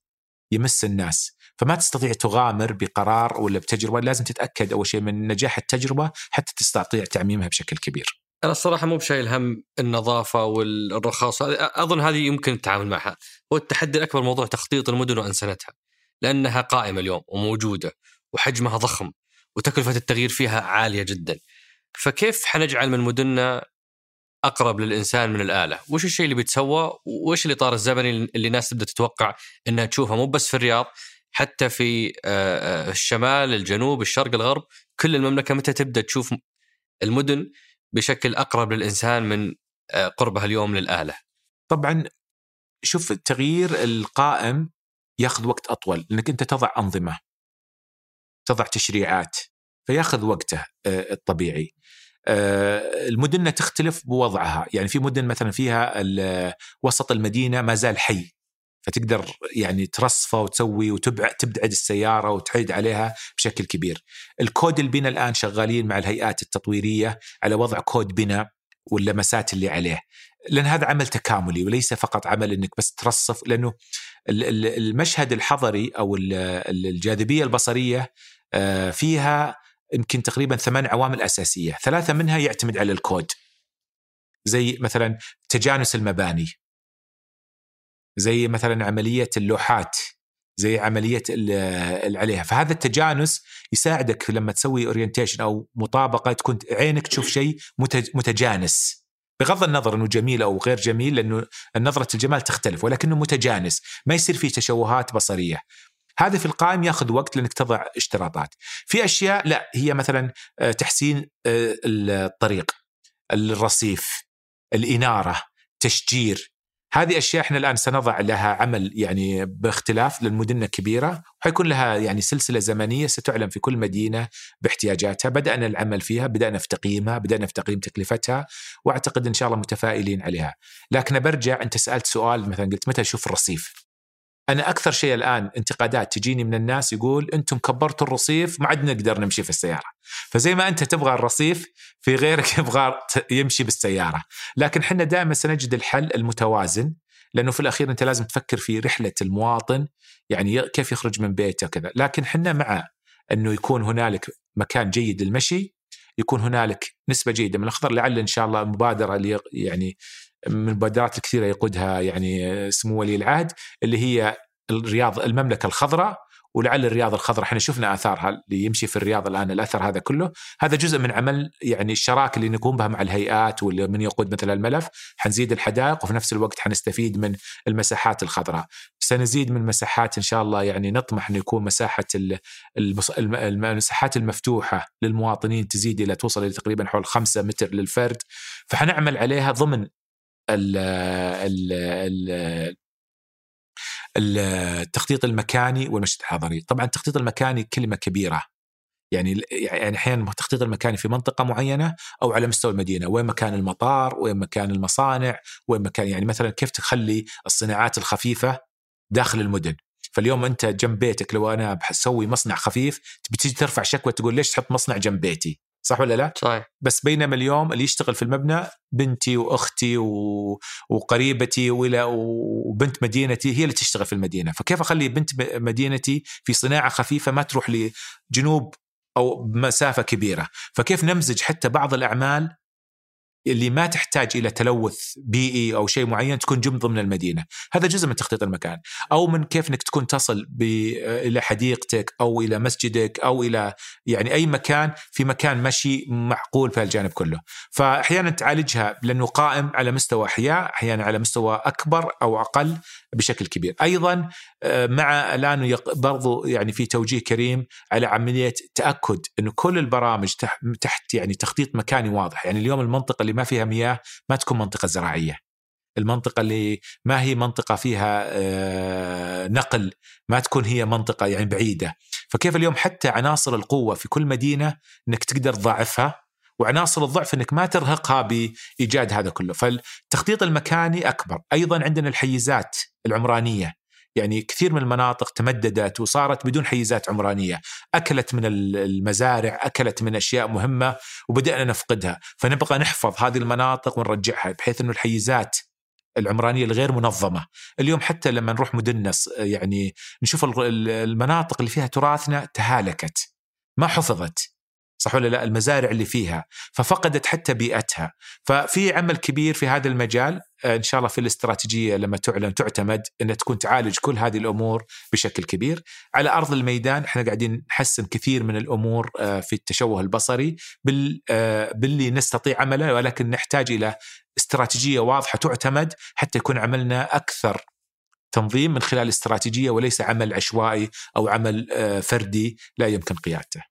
إحنا غطينا يعني المشهد العام في في القطاع اللي يبغى تفاصيل أكثر عن مدينة الرياض يشوف حلقة الأمير فيصل بن عياف اللي يبغى عن موضوع منصة فرص يشوف حلقة الدغيثر واللي يبغى عن موضوع إسكان العمالة والتصنيف المقاولين يشوف حلقة دكتور أحمد قطان. الدكتور أحمد قطان. الآن ودي أختم بأسئلة أصدقاء سقراط. إحنا سوينا رقم قياسي أبو عبد الله في الحلقة هذه. أعلى عدد أسئلة في تاريخ سقراط كان 600 سؤال. إحنا اليوم واصلين 2400 2400 سؤال. فهد الله يعطيه العافية. لخصت لنا أهم المواضيع اللي كانوا يسألون عنها الأصدقاء فبمر عليها وإذا يعني تكرمت علينا بإجابات سريعة حتى نشمل أكبر قدر ممكن منها. آه يمكن رقم واحد كان موضوع ارتفاع الأسعار. وهذه يعني لو قدرنا نلخص القول الفصل في توجهكم أنتم ما بين التدخل في السوق والتأثير فيه وما بين عدم حماية المواطن وتوفير مساكن بأسعار مناسبة له، وين وين تقفون ورضاكم على الأسعار الحالية في المملكة وفي الرياض؟ طبعا زي ما قلنا المملكة بشكل عام إحنا راضين على اللي يعني لحد ما فيها. آه، الرياض آه، الفترة الأخيرة غير راضين عنها وإن شاء الله فيه يعني اهتمام حتى على مستوى القيادة أنه التأكد من أنه يكون بالسعر الذي يمثل القوة الشرائية اللي موجودة فيها. في أسئلة كثير عن مصير الأحكام القضائية لمستفيدي الصندوق العقاري اللي تم تحويلهم للبنوك وصدرت لهم أحكام قضائية. هم يقولون وش مصير أحكامنا هل بتنفذونها أو ما تنفذونها؟ هو الآن آه، وضع آه، في موقع الصندوق العقاري الكل يقدم عليه اللي عندهم عليها آه، وفي إجراءات مع مجلس الإدارة للعمل عليهم. فاللي صدر لهم حكم يدخلون على موقع حسب الصندوق. النظام حسب النظام. في ناس يتكلمون عن موضوع التخوف من إيقاف الدعم. هذا أنت أكدت إنه هذا الأمر لن يحدث. موضوع الكادر الهندسي آه وشريحة المهندسين يعني يشتكون الكثير. هو طبعا من هيئة المهندسين تم الرفع وتم يعني الآن عند الجهات الرسمية فوق لمراجعته. لكن حقيقة يعني آه، أمس كنت في اجتماع مع زملائنا في هيئة المهندسين وكنت أقول لهم إنه كثير من خطط القطاع البلدي سيعتمد على كادر المهندسين. فطموحنا والسوق كبير جدا آه، ولازم يكون طموحنا أكبر من فقط الكادر، لازم يكون طموحنا أكبر لأنه أنتم حتكونون جزء من الرقابة، أنتم جزء من جودة العمل، أنتم جزء من التخطيط، فمهم جدا يكون تفكيرنا أكثر من فقط الكادر المهندسين، مع آه، عملنا في هذا المجال ورفعنا له. آه، أنتم سويتوا مبادرة لموضوع فرز أو أو اعتماد شهادات المهندسين اللي من الخارج أو شيء؟ صحيح لأنه إحنا اليوم هيئة المهندسين نعتقد إنها جزء مهم جدا في آه، التحول للقطاع البلدي من 21 ل 25 وأكبر داعم لنا حيكون هيئة المهندسين. وطموحنا في مهندسينا ومهندساتنا كبير. ونتأكد إنه جودة المهندسين اللي موجودين عندنا من الخارج كبير جدا. يعني عندنا إحنا فوق ال 300 ألف يمكن مهندس. فنبغى نتأكد إنه هذول الناس هم فعلا يحملون الشهادات الصحيحة ولنا عمل كبير مع جمعيات محلية وعالمية للتأكد من آه، كفاءتهم وسيكون هنالك اختبارات آه، مهنية للتأكد من كفاءة المهندسين الموجودين لدينا. في أسئلة كثيرة عن موضوع إيقافات الأراضي سواء شمال الرياض، وادي لبن، آه، العلا، أملج هذه بالنسبة لكثير من الناس والمستثمرين مرهقة ومؤلمة جدا ولها تبعات واسعة سواء الناس مقترضين الناس جاهزة تسكن بس ما دخل الكهرباء اللي بسكنهم وش وش بظنك تفسير هذا الأمر ومتى الناس ممكن تتجاوز هذه المرحلة؟ أنا ما أعتقد إنها إن شاء الله طويلة وأعتقد في عمل يعني من الجهات اللي أوقفت إنها يعني إنها تعمل إنها آه، يعني تنجزها بشكل سريع إن شاء الله. يعني متوقع مدة زمنية ولا ما اتضح شيء؟ دي يعتمد على كل جهة ومدى جاهزيتها لأن في أشياء وقفت من جهات مختلفة مدى جاهزيتها لكن اللي أنا أعرفه إنه في اهتمام كبير إنه هذا ينتهي بشكل سريع. التشوه البصري في المدن انسانتها سولفنا عنه موضوع سوء جودة الطرق هذه هذه من الأشياء برضو اللي كثرت. آه وزارة النقل يقولون داخل المدن ما هو عندنا إحنا بس بين المدن. والناس أكثر شكواها عن الشوارع اللي داخل المدن، فكيف رضاك عن الشوارع؟ طبعا آه، ترى الطرق في المملكة يعني تهالكت بشكل كبير والصيانة عنها يعني بسبب طريقة إدارة الطريق، الطريق عادة عمره يعني 15 إلى 18 سنة بعدين يحتاج إلى صيانة. طريقة العمل في عندنا إنه الشارع يبدأ أول شيء لما كانت أرض في الشارع فيجي يبني البيت فيجي ماسورة كهرباء بعدين واحد حفرة مياه بعدين حفرة كذا. فالطريق من 15 سنة صار عمره ست سنوات إلى خمس سنوات. في ظل طريق سيء هبوط إلى آخره. آه كثير من المشاريع جت بعد الطرق وهندست هذا الطريق. واحدة من الأشياء اللي إحنا نعمل عليها الآن إعادة سمي operation excellence للطرق نفسها، منصاتها وإعادة إدارة هذا الملف بشكل كبير بحيث نضمن انه إنه يكون في كود واضح، نضمن إنه التنفيذ والانتهاء يكون عالي ويكون في استلام وهذا لما قلنا مثلا نحتاج إلى مراقبين مهندسين بشكل أكبر للتأكد من الجودة هذه كلها. ففي برنامج عندنا الطرق فعلا تهالكت نحتاج إلى إعادتها لكن النزيف سيستمر طول ما هو طريقة الهدم أو طريقة الحفر بالطريقة الحالية سيستمر جودة الطرق من سيء إلى اسوء. لذلك إحنا الآن مع جميع شركائنا الخدمات قاعدين نضع الآن آه، اتفاقية جديدة تنظم عمل الجميع آه، بحيث نستطيع أن نعمل سويا، يعني اليوم مثلا في طرق أحيانا يكون في ثلاث جهات، أحيانا تكون مثلا الطريق جزء منه الهيئة آه، في المدينة هي اللي منفذته وهي اللي تصونه وجزء منه النقل وجزء منه آه، الأمانة. فتلجد الشارع نفسه في ثلاث جهات تنظم هذا الطريق. فنحتاج نضع اتفاقيات لأن الطريق أنا كم أنا كمستفيد من هذا الطريق أو قائد مركبة ما يهمني من اللي يدير يهمني يكون في استمرارية وفي نظافة. أيضا الجهات الخدمية أعتقد إنهم هم شركاء معنا يعني حريصين على أن تكون مدننا بشكل أكبر فسنعمل سويا إن شاء الله من خلال اتفاقيات بدأت الاجتماعات الكل متحمس إن إذا استطعنا أول شيء نوقف النزيف ونصحح الماضي بس كيف حنوقف موضوع الحفريات؟ حيكون في منصة حيكون في إشراف أفضل للحفرية حيكون في سلامة في الحفرية بشكل أفضل وتسليم المشروع بيكون بطريقة أفضل مما كانت عليه في السابق. نتأكد من انه يكون فيه يعني ستاندرد واضح يحفظ الطريق. بس يمكن للناس مو حفر من الأشياء عفوا عن المقاطعة واحدة من الأشياء الآن مثلا اتفقنا مع شركة المياه وكانت مبادرة من هيئة آه، يعني من عدد من المطورين العقاريين انه اليوم أنا بسوي المشروع وحفره وأوصل للبيوت قبل البناء على أساس ما أحفر مثلا مرة ثانية. نفس الشيء حنسوي مع الكهرباء. آه، الاتصالات يمكن حفرياتهم أقل ولكن أيضا حفريات بحيث إنه نقلل من الحفريات بعد ما يس... يعني بعد ما الطريق. في محاولات بعض الأمانات إيقاف خمسة لكن ما تقدر توقف المدينة. فإحنا الآن نعيد هيكلة الإجراءات فيما يخص الطريق. وهذا جزء لما قلت لك إحنا بعد ما سمعنا صوت ال- ال- ال- المواطنين والمقيمين السكان سوينا الآن استراتيجية. وواحده منها هو طريقة التشغيل. واحدة منها هالموضوع آه، اللي هو إدارة الحفريات في المدن والتعامل معها في ناس تسأل عن موضوع الفئات غير المستفيده من القروض العقاريه وبرامج الإسكان آه، سواء أرامل أو أو أيتام أو عزاب هذول وش المنصة اللي اللي المفروض تخدمهم أو وين يتوجهون؟ طبعا الأرامل والأيتام لهم معالجة ضمن عليها يمكن اللي يعني لو الزملاء يروحون أو المشاهدين والمشاهدات يروحون ل- لوائح الدعم يفهمونها بشكل أكبر أو يتواصلون مع مع زملائنا يوضحون لهم الأشياء عليها. العزاب هو التركيز اليوم على موضوع الأسر وليس الأفراد، لكن آه، حنبدأ يمكن في عام 22 في برنامج الادخار آه، للعزاب بحيث إنه أول ما تتشكل الأسرة كيف نستطيع أن تكون جاهزة بشكل أكبر.